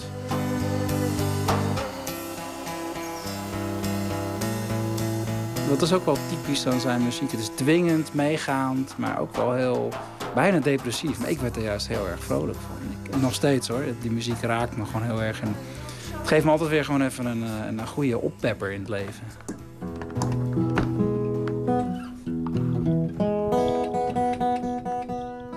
We zitten hier in jouw kamer in de oude Tivoli bij Kaitopia aan de Oude Gracht in Utrecht. En je zit met gitaar op schoot, je Ja. vingers glijden al over de snaren. Kan je dat eens laten horen, wat, wat nou typisch Elliot Smith is? Nou ja, typisch. Ik, ik eh, kies dan toch weer voor de, voor de, voor de, voor de makkelijke weg. Eh, wil je dat ik erbij ga zingen? Nou, graag. Uh, even kijken. Ik heb, ik heb is één, één favoriet van mij en dat is Between the Bars. Um, ja, ik zal even laten kijken. Drink up, baby, stay up all night with the things you can do. You won't, but you might. The potential you'll be, and you'll never see the promises you only made. Drink up with me now, forget all about the pressure of days. Do what I say, and I'll make you okay, and drive them away.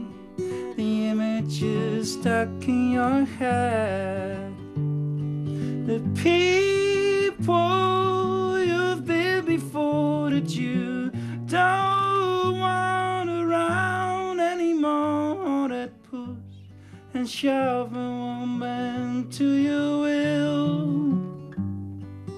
I keep them still. Maakt zelfs nog een foutje, maar het geeft me meer aan van vooral zijn refreinen zijn zo. Uh, uh, people you've been before that you don't want. Dat, het, gaat, het gaat maar door. Het is bijna Bach eigenlijk.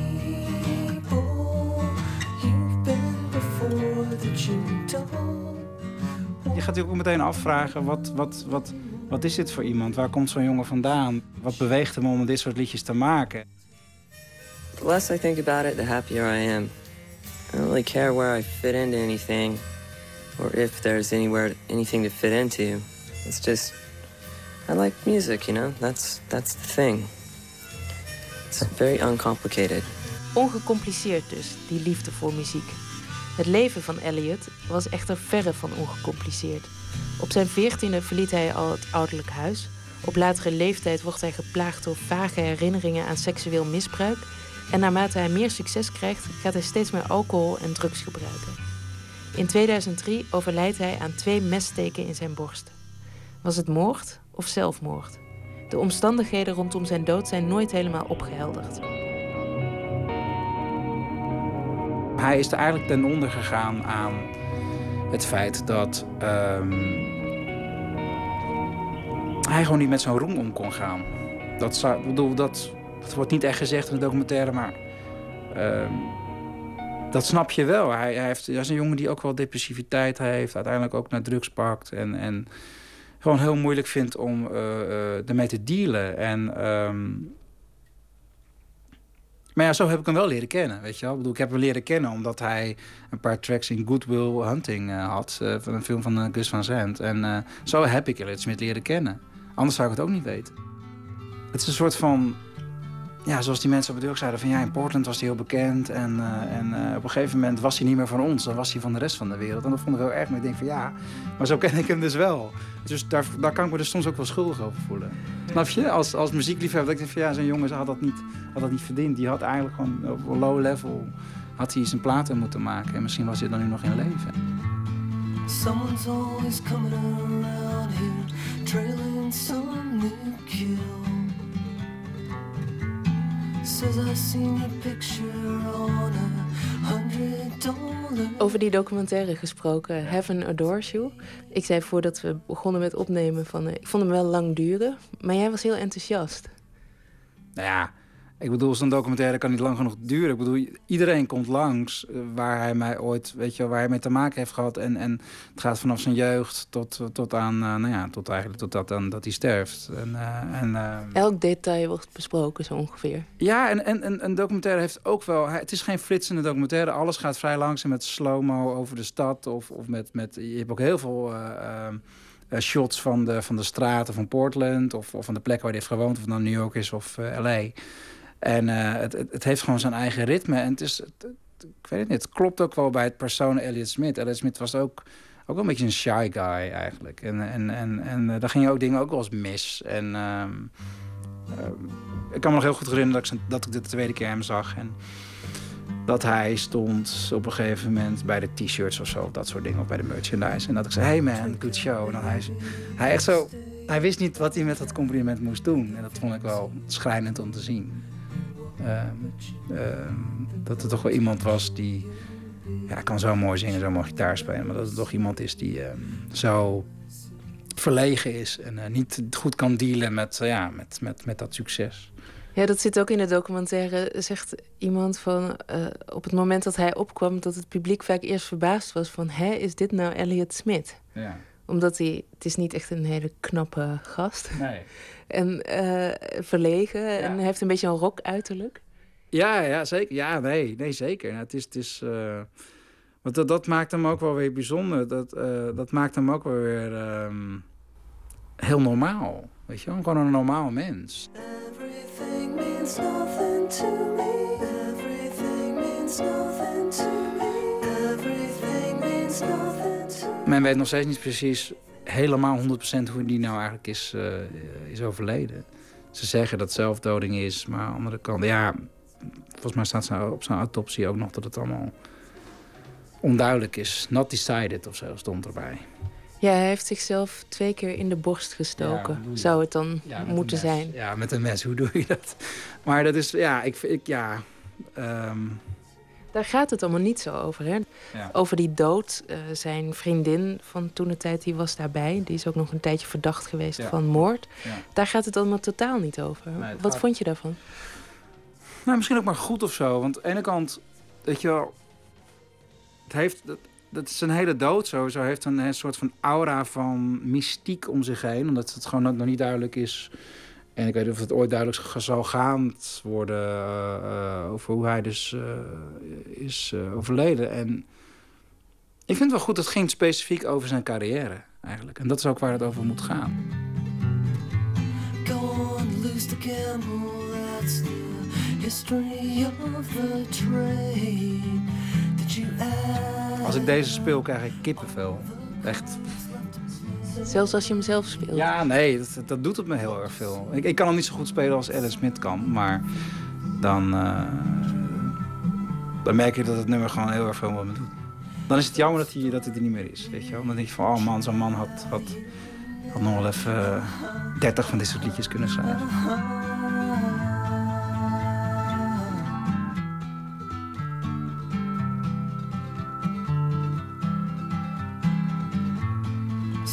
Always coming around here, trailing some new kill. Says I seen your picture on a hundred dollar bill. What's a game of chance to you? Him as one with real skill. So glad to meet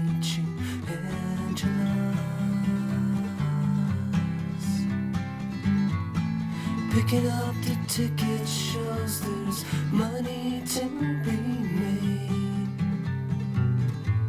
Go on, lose the gamble, that's the history of the trade. Did you add up all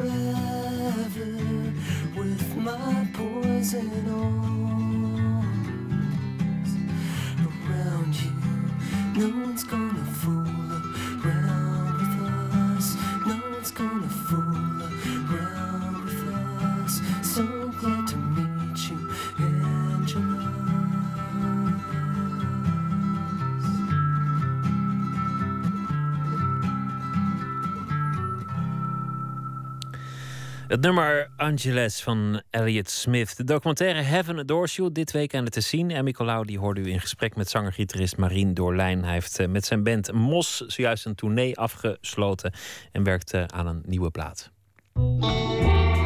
Nooit meer slapen. Een van de grote mijlpalen in de muziekgeschiedenis en dan vooral de jazzgeschiedenis is het album Kind of Blue van Miles Davis uit 1958. Het wonderlijke is dat het album nu is nagemaakt. Volledig uh, noot voor noot nagespeeld en opgenomen door een band uit New York met de naam Mostly Other People Do the Killing.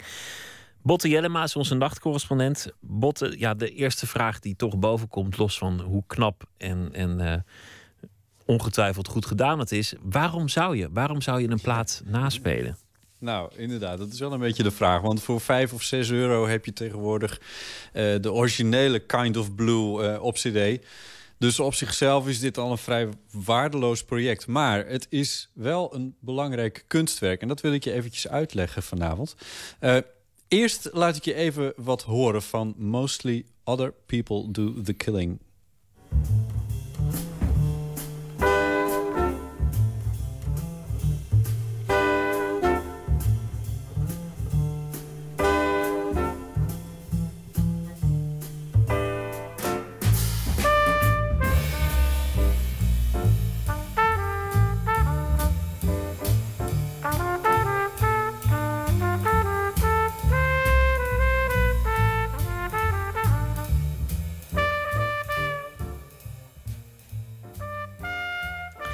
Het, het wonderlijke is Bot, Kind of Blue was, was een monumentale plaat. Het was Miles Davis op zijn best. Het was John Coltrane, eh, tenorsaxofonist, op zijn best. Het was Cannonball Adderley, Bill Evans. Allemaal legendarisch muzikanten. Maar die hadden allemaal een heel eigen geluid.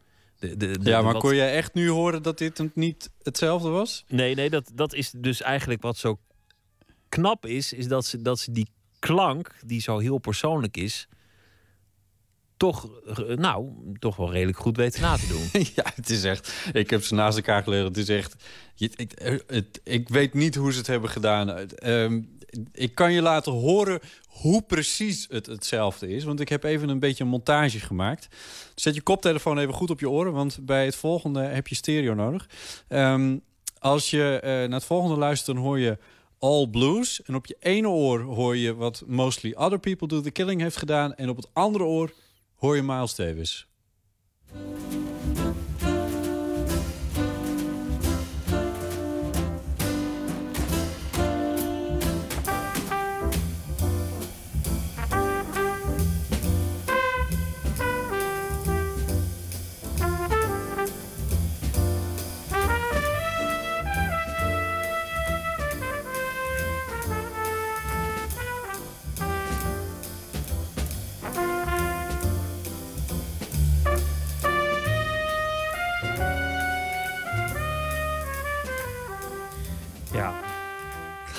Met, uh, met excuses aan de mensen die, die, die natuurlijk een ouderwetse radio hebben met maar één speaker. Of die dan dit effect even niet, niet meekrijgen. Maar het is nagenoeg hetzelfde. Dus, dus ontzettend Ja. knap. Uh, maar no- nogmaals die vraag.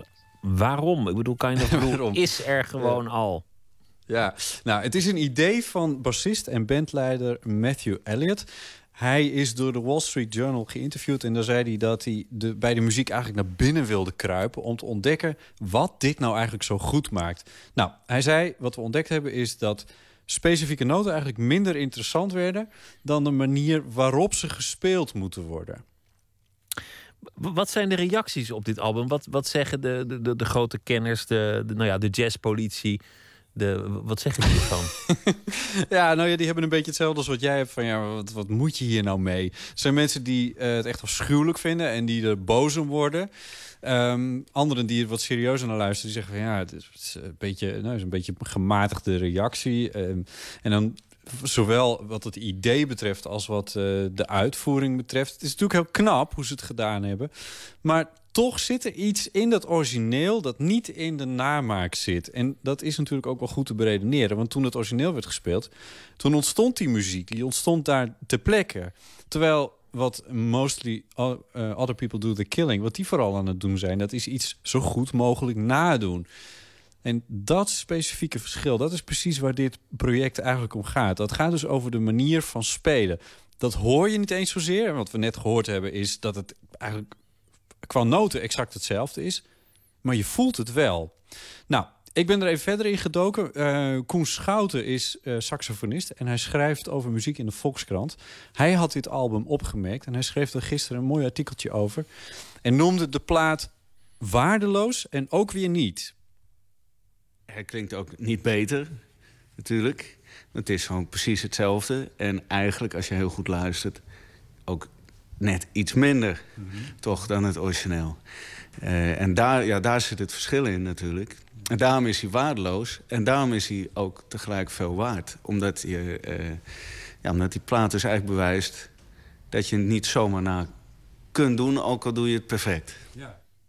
Nou ja, dat zou eh, waardeloos zijn als mensen hun schouders erover ophalen. En ehm, ja, dat gebeurt natuurlijk, want die nummers op eh, Kind of Blue... die worden vrijwel dagelijks wel gecoverd door eh, muzikanten. Er komt bijna elke dag wel ergens een, een, een iets voorbij... of er wordt opnieuw iets opgenomen. En daar we- hoor je dan niet zoveel van...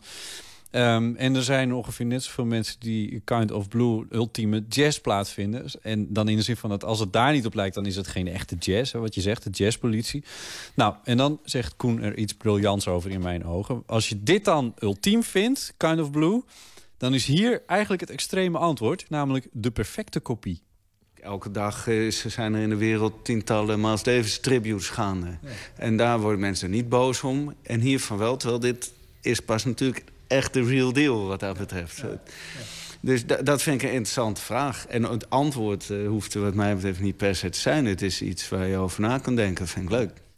Eigenlijk Koen een, soort, Schouters, eh, een soort statement, zegt hij. Hij zei eigenlijk Ja. een soort statement tegen al die tributes. Van nou ja, je, je, wil, je wilt het nog een keer horen, hier heb je het nog een keer. En dan precies. En dan precies, en, en wat vind je er dan van? Ik kom er zo op terug. Ehm, want hij zei tegen mij ook van, van ja, ik- ik- als je dat dan in je hoofd hebt, eh, dan kan je ook wel eens eventjes na gaan denken over klassieke muziek. Waar wereldberoemde orkesten met topmuzikanten voortdurend pogen om zo dicht mogelijk bij een ideale uitvoering te komen, wat dat ook mag zijn.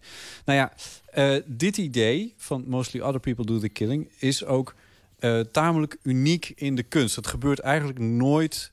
Misschien bij klassieke muziek dat dat nog het meest in de buurt komt. Filmmaker Gus Van Sant heeft ooit de film Psycho eh, shot voor shot nagemaakt. Maar ja, daar zie je ook meteen andere acteurs en zo. Ik vind wel dat je het wel moet luisteren, toch, die plaat. Dus je kan wel van tevoren zeggen, het is verschrikkelijk. Het is, wat dan ook. Maar als je het dus echt ervaart, hoe goed ze het na hebben gedaan... ja, dan het is toch een apart gevoel. En daar gaat het mij betreft. Dus er is waardering voor de, het, het eh, vakmanschap wat ze, wat ze tentoonspreiden. Dat ze dit kunnen. Ja, en dat je beseft eigenlijk hoe extreem het is. Dus, eh, want je denkt, misschien als je het niet hebt gehoord... denk je, ja, het is nagespeeld, nou, dan lijkt het erop. Nee, het is echt, het lijkt er, het lijkt er niet op, het is het bijna. Zo, dus, zo goed is het gedaan. Maar het voelt toch anders. Dus, zo concludeert Koen Schout uiteindelijk... dit album is een belangrijk kunstwerk. Want het roept op om op te houden met het terugblikken en het nadoen... en ons eigenlijk gewoon te richten op nieuwe muziek. Er is ook een, een, flinke paradox, want, want ze spelen het perfect na. Terwijl de charme van Miles Davis was juist het gebrek aan perfectie. Hij was niet de perfecte trompetist. Hij had altijd dat, dat rafelige, eh, de, de, de noot die, die er net, die net slordig was. Ze doen het heel zorgvuldig noot voor noot. Terwijl de essentie van Kind of Blue is gewoon een paar kerels in een studio ergens in Hackensack, New Jersey. En gewoon gaan. Ze wisten ook niet wat eruit zou komen. Dus het jij nou staat van de jazzpolitie dat je dit allemaal zo minutieus weet? ja, nou ja, goed. Kijk, ik bedoel, iedereen heeft zijn liefhebberijen. Maar het, het grappige Ja. is dat, dat dit zo haak staat op wat het oorspronkelijke ding was. Dat het, dat het eigenlijk Ja. ook alweer geestig is. Ja, het is geestig en, en het is heel knap. Want dit zijn echt ontzettend goede muzikanten. Als je precies die trilletjes van Miles weet te pakken en zo. Dat, dat, is, dat is onwaarschijnlijk knap om, eh, om zo te spelen. Ze hebben daar wel gebruik gemaakt van, eh, van wat studio's tegenwoordig kunnen. Dus, eh, En ze waren niet aan de drugs in tegenstelling tot de oorspronkelijke muzikanten. Dat is ook een voorsprong die je niet moet wegcijferen. Nee, nee, nee. Nou, weet, nou ken ik ze niet zo goed dat ik weet dat ze echt geen drugs doen. Maar goed, dat is. nee, ja. Laten we daar even Laten we die optie open houden, ja. Ja, maar ehm, eh, dit, dit wat je nu net zegt is natuurlijk wel precies waar het om draait. Van, eh, van waarom, wa- waarom doe je dit dan zo op deze manier... als het zo tegen de essentie van het hele stuk ingaat? En dat is... Ja, dus en met name in de ogen van Koen Schouten... Van, van, dat is waar het om gaat. Van je, je moet niet blijven hangen in die oude muziek. Je moet je juist gaan richten op nieuwe muziek. En eh, misschien zijn de trucjes gebruiken die Miles heeft ingezet... maar niet zijn noten. Juist. Nou, laten we, laten we toch nog maar een klein eh, fragment luisteren van, eh, van, van... Het is toch een opmerkelijk en knap en bewonderenswaardig absurd Ik project. kan het je echt aanraden om het te gaan beluisteren. Het is, een, eh, het is trouwens niet eenvoudig om het in Nederland te verkrijgen. Want eh, iTunes heeft het niet en Spotify heeft het niet. Eh, en een paar plaatszaken waar ik gevraagd heb, die hebben het ook niet. Ehm, maar Amazon heeft het wel. Dus als je een beetje handig bent, dan kun je er wel aankomen. Het heet Blue, dat album. En ik had inderdaad nog even klaargezet All Blues... door Mostly Other People Do The Killing.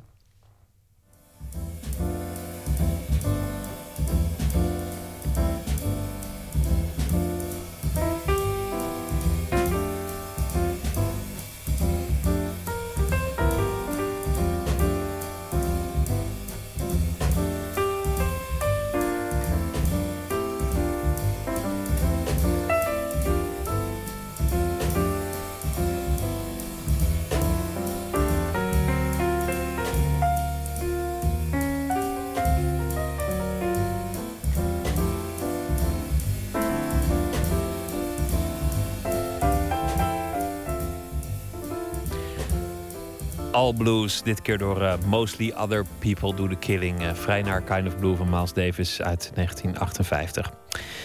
IJsland, daar ehm, overtroffen ze de debuutsuccessen van eh, de legendes Björk en Sigur Ros. Maar één op de tien inwoners van IJsland zou inmiddels een album van Asgard in zijn bezit hebben. Singer-songwriter wordt daarom nog eens in het zonnetje gezet met een nieuwe editie van het album In The Silence. En wij draaien het nummer met de titel Sturmarine.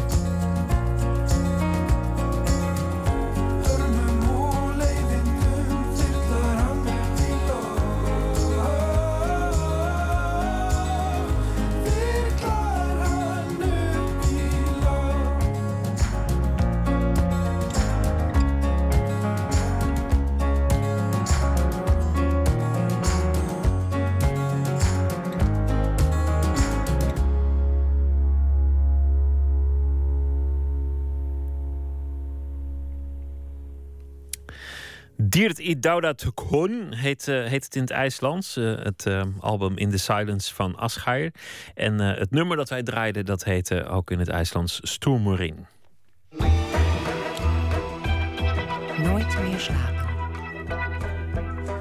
New Horizons is een nieuwe tentoonstelling in het eh, Fries Museum in Leeuwarden over de wisselwerking tussen traditionele kunst en game art aan de andere kant. Gameartiesten, de makers van computerspelletjes en videogames, laten zich beïnvloeden door kunststromingen als het symbolisme, de romantiek, het surrealisme. Omgekeerd worden hedendaagse kunstenaars weer geïnspireerd door videospelletjes. En dat levert spannende kunst en leuke spelletjes op. Jan-Paul de Bond ging vast kijken en doet verslag. No one wants to admit it, but humanity is under attack. One very specific man might be all that stands between humanity and the greatest threat of our brief existence. Shepard!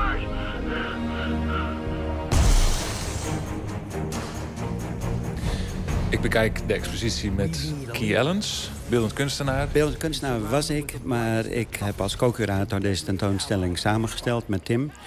Eh, Tim is Tim Laning, eigenaar van eh, Grendel Games. Ja, dat klopt. We bouwen eh, wat ze noemen serious games of applied games.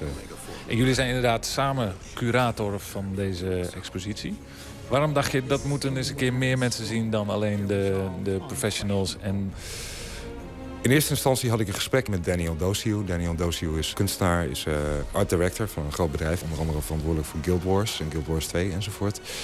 En ik had een gesprek met hem over het feit dat elke productie, de ontwikkeling van zo'n game, werken honderden mensen aan, mee. En er wordt een heleboel productie gedraaid die eigenlijk, waarvan je eigenlijk alleen de eindresultaten terugziet in een spel. Dat spel is misschien een jaar of twee jaar relevant en daarna verdwijnt dit langzamerhand naar de budgetbak. Maar dat doet eigenlijk geen recht aan de omvangrijkheid van het werk en de kwaliteit van het werk. En toen hebben we lang gehad over hoe je dat dan zou kunnen tentoonstellen. En dat tentoonstellen is heel moeilijk. Het grappige is dat je in deze tentoonstelling eigenlijk een aantal verschillende dingen naast elkaar ziet. Soms zie je dat de games geïnspireerd zijn op kunst. Eh, wij laten ook kunst zien die geïnspireerd is op de games. En er is een groep werk eh, waarbij soms de kunstenaar vraagt... waarom zit ik in deze tentoonstelling? Maar die hebben een gezamenlijke inspiratiebron... die ze langs verschillende wegen verder ontwikkeld hebben. Kun je mij een voorbeeld laten zien van kunst wat beïnvloed is door games? Dan gaan we even naar de volgende zaal. Je ziet hier in de grote zaal, waarbij allerlei verschillende landschappen getoond worden... zie je ineens een, een, een soort virtuele omgeving die werkelijkheid geworden is. Rotsen, boompjes als een soort eh coulissenlandschap. Ik zie rotsblokken op de vloer geprint. Je kijkt naar een container en die container die kom je in games weer heel veel tegen... omdat je daar in een schietspel keurig je achter kunt verschuilen... en om een hoekje kunt kijken. Ik vind dit inderdaad grappig, want je staat er natuurlijk 3D in. Maar vanwege de afbeeldingen doet het inderdaad aan als een soort virtuele 3D-omgeving. Ja, dus dat is heel grappig. En je kunt zeggen, dit zijn mensen die zijn in staat om een hele overtuigend... en alle blaadjes zijn er. Het ziet er heel realistisch uit, maar alles is wel... elk blaadje is in de computer gemaakt. Tim, als eigenaar van een eh, gamingbedrijf... hoe afhankelijk zijn jullie van beeldend kunstenaars... in de ontwikkeling van, van het artwork voor een spel? Ja, het merendeel van de art directors eh, die in onze industrie werkzaam is... hebben een achtergrond in de beeldende kunst. Het zijn of autonome kunstenaars... of het zijn mensen die zijn, eh, als graficus zijn eh, begonnen. Het, het dicteert hoe onze werelden eruit zien. En het dicteert lang niet altijd hoe ze zich gedragen. Dat, dat wordt uiteraard gedaan voor groot gedeelte door programmeurs. Maar juist die wisselwerking tussen programmeurs en vormgevers... zorgt voor hele unieke dingen. En ook in programmeren eh, schuilt zeg maar, bijzondere beeldende kunst. Juist door dingen te programmeren. Zijn het vormgevers met een bepaalde... Is het, zit het vaak in de fantasyhoek? Nee, absoluut niet. Nee, Natuurlijk worden er eh, de grote producties die gemaakt worden... eh, hebben veel fantasy. Eh, dat klopt. Dat is een beetje hetzelfde wat je terugziet in film natuurlijk. Eh, de dingen die het goed doen bij mainstream publiek... die worden vaak groot gemaakt en die zie je dus ook groot terug. Ja, want dat vroeg ik me inderdaad af.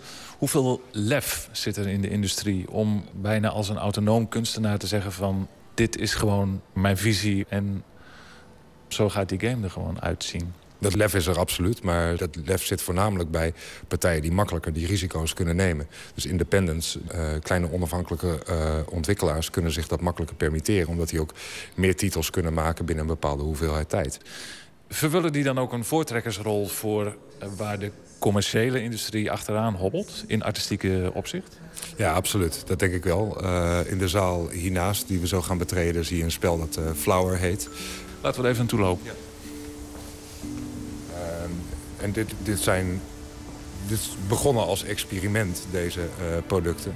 En onmiddellijk erkend en herkend als unieke spellen met een unieke grafische stijl. Waar we nu naar kijken is het spel Flower.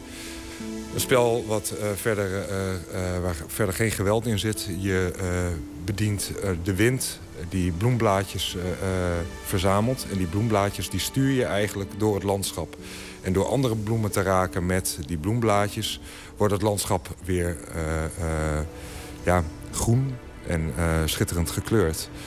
Um, en dat is een, een, type spel waarvan je in eerste instantie niet zou zeggen... dat daar heel veel behoefte aan, aan is... Althans, dat is hoe de grote bedrijven inderdaad redeneren. Maar als je ziet wat voor verschrikkelijk succes dit spel is geweest. Dat is een relatief klein bedrijf wat het heeft gemaakt. Ik geloof dat ze inmiddels twaalf uh, mensen in dienst hebben. Maar dat succes is, is fenomenaal. Het is, wordt door vele miljoenen mensen gespeeld. Dat flower, dat verbaast me inderdaad. Het ziet er echt super liefelijk uit. Bijna een soort esoterisch mindfulness spel. Ja, is, is het ook. Het leuke is dat het, het heeft niet een direct doel. Je kunt net zo lang door dat landschap zweven op de wind als je wil. En langzamerhand maak je een grauwe wereld weer bloeiend. Maar dit zijn dingen die onverwacht groot zijn geworden, zoals je uitlegt. Waar ligt de trend op dit moment? Er is wel een trend met spellen die een, een sterk narratief hebben. waarbij je zeg maar, door het beeld geloodst wordt, min of meer. Het begint meer te lijken op een interactieve speelfilm dan op een spel. Het zijn niet hele sterke spelregels, behalve dat je wordt uitgedaagd om iets te verkennen. Een voorbeeld daarvan is Dear Esther, hier ook aanwezig in de expositie. Waarbij je het Schotse eiland Skye bezoekt en je eigenlijk een dagboek hoort. Die wordt voorgelezen door de hoofdpersoon, de persoon die jij bedient. En die, dat dagboek of die brief die is geschreven aan een dame die Esther heet. Dear Esther, the gulls do not land here anymore. I've noticed that this year they seem to shun the place. Maybe it's the depletion of the fishing stock driving them away. Perhaps it's me. Dat is wel een trend om spellen te maken waarbij je door een omgeving loopt en langzamerhand een verhaal tot je neemt. Bijna als een audioboek. Maar waarbij je wel zelf de camera bedient en een kleine, uh, kleine interactiviteit uh, hebt. Dat is anders dan natuurlijk de interactiviteit die de heleboel mensen uh, in hun hoofd hebben bij computerspellen. Waarbij je op ik weet niet hoeveel verschillende knoppen moet drukken om, om en camera's moet bedienen voordat je, voordat je je doel kunt bereiken. I dreamt I stood in the center of the sun and the solar radiation. Je loopt door een stad of een landschap. Alle dingen daarin moeten kloppen. Dus die gamebouwers die moeten ook nadenken over hoe ziet onze stad eruit... en waar staat het belangrijkste gebouw. Uh, en het is dan ook niet gek dat je hier een, een heel mooi futuristisch landschap van een belangrijke concept-artist... naast een werk uit de collectie van het museum hebt... Uh, Constant Nieuwenhuis en zijn pacifistisch anticapitalistische wereld... de drang om zo'n hele wereld vorm te geven. Het kan vanuit een verschillend doel zijn. Maar je moet wel over van het kleinste dingetje tot het grootste nadenken. En hoe complexer dat systeem in elkaar zit, hoe overtuigender het spel. Maar daar raak je wel aan een interessant punt, vind ik. De reden waarom je iets maakt. Als je, ook al heb je een kunstachtergrond, in de spelindustrie werkt... zit daar toch natuurlijk een soort nou ja, een vergaande toepasbaarheid en een functionaliteit bij. Toch, Tim, vind jij dat ook zij een veel groter podium verdienen... dan eigenlijk alleen maar die PC of die tv waarop we dat spel spelen? Ja, dat klopt. Uh, en ik, ik ben het daar overigens niet helemaal mee eens. Uh, als we het gaan hebben over toepasbaarheid. Ik bedoel, de, de nachtwacht is uh, ook... er is niks meer toegepast dan de nachtwacht. Het zijn in, in principe 42 portretten die zijn geschilderd in een bundeldeal... voor een, een organisatie in de gemeente. Rembrandt wilde waarschijnlijk ook in dat werk graag spelen met belichting en met perspectief. En er is geen enkele reden waarom een gameartiest of art director dat niet zou kunnen doen in het, het bouwen van een spel. En los daarvan zijn er een heleboel uh, spellen die uh, gemaakt worden door mensen, ook als een kunststatement. We hadden het net over, even over die indies, uh, die zeg maar die drijfveer niet hebben. Natuurlijk, die mensen moeten ook eten, die moeten ook rondkomen. Dat geldt voor iedereen, ook voor elke beeldende kunstenaar. Maar die mensen hebben wel zeker een diepere drive om de wereld iets te delen. Uh, en daar worden ze dan uh, voor een deel door betaald door het publiek. Die dat ook graag wil dat uh, ze worden meegenomen op die reis. Verslaggever Jan-Paul de Bond vanuit het uh, Fries Museum samen met curatoren Key Ellens en Tim Laning. De tentoonstelling New Horizons over de kunst achter computerspelletjes te zien nog tot en met 15 februari in Leeuwarden. We gaan luisteren naar een uh, merkwaardige verschijning in de soulmuziek, inmiddels 72 jaar oud. Swamp Dog is zijn naam, nieuw album uit. The White Man Made Me Do It. Hij is uh, geniaal, maar hij schijnt ook uh, knettergek te zijn. Maakt allemaal niet uit. We gaan luisteren naar Prejudice is Alive and Well.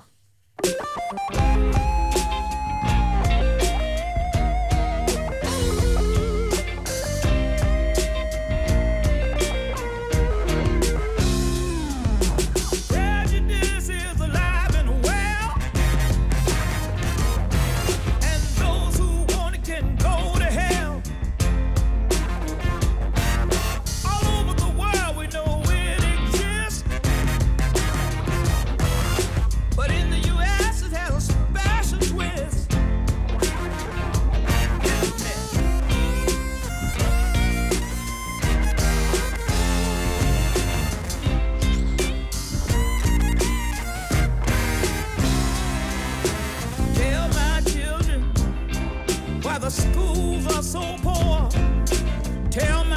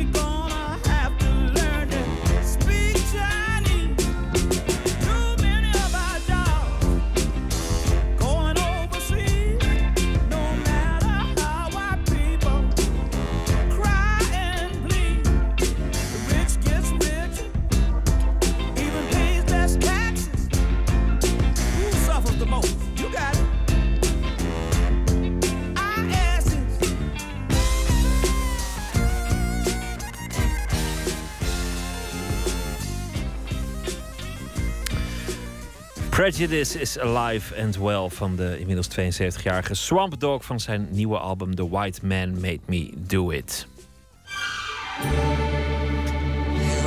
Make it through the night. We leggen de vraag voor aan eh, verschillende prominenten wat ze doen om door de nacht heen te komen als de slaap het niet wil doen. Deze nacht is dat schrijver en columnist Theodor Holman. Nou, meestal als je niet slapen kan, dan ben je ontzettend bang. Althans, dat heb ik voor de dood. En ik merkte al heel snel dat ik dit gedicht ontzettend mooi vond, omdat het op een of andere manier een probleem formuleerde dat ik ook had, maar niet goed onder woorden kon brengen.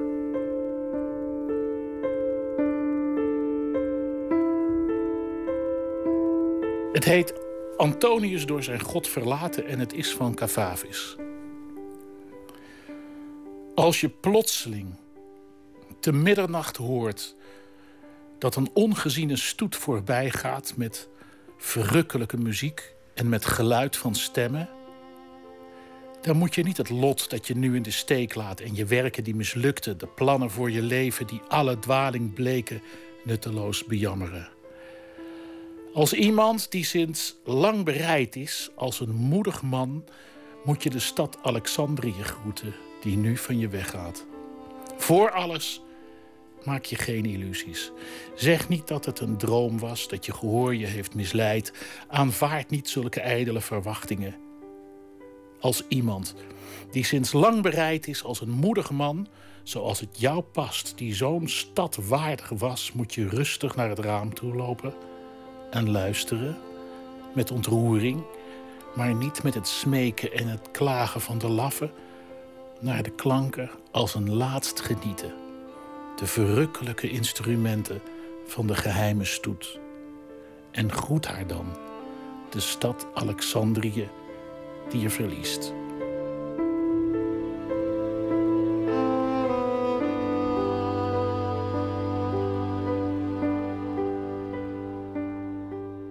Zelfs nadat ik het gedicht had gelezen en weer had herlezen en weer had herlezen, dacht ik steeds: wat is nou dat probleem? En uiteindelijk denk ik toch wel dat ik erachter ben gekomen wat het was.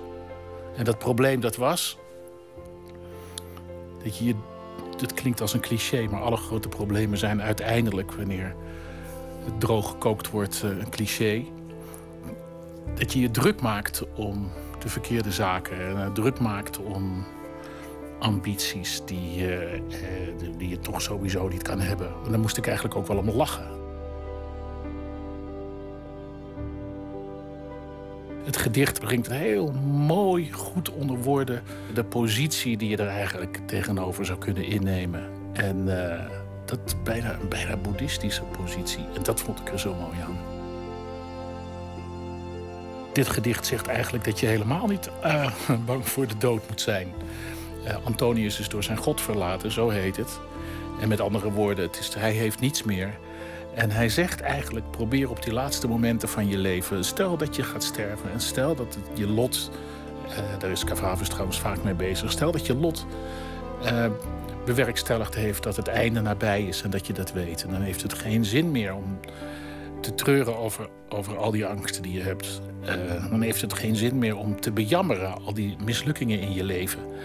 Al die zaken die je bang maken, al die mislukte liefdes, al die mislukte boeken, al die mislukte, eh, eh, eh, mislukte zaken waarachter je aan hebt zitten jagen. Dat heeft geen zin meer. Maar probeer op dat moment echt te luisteren, te kijken naar die, naar die stoet die voorbij komt.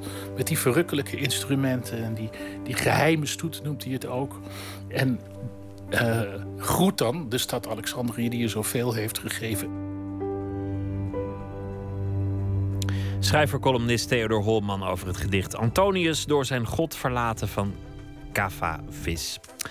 Morgen in eh, Nooit meer slapen komt Loes Schnepper langs. Zij is eh, actrice, won een eh, gouden kal voor haar rol in de film voor Amelia. Eh, in de categorie Beste Actrice voor Televisiedrama. Eh, en zij praat met eh, Anton de Goede, die hier dan de honneurs waarneemt. Verder gaan we op bezoek bij Benny Jolink. De man die met zijn band normaal zo'n beetje de streektaal in de popmuziek heeft geïntroduceerd. Nieuwe plaat is uitgekomen van Normaal. En bovendien zal Jolink dit weekend optreden in het Wintertuinfestival. Dat allemaal morgen. Voor nu een hele goede nacht. Straks kunt u luisteren naar Ron Vergouwen als nachtzuster. Een hele goede nacht. Op Radio 1, het nieuws van alle kanten.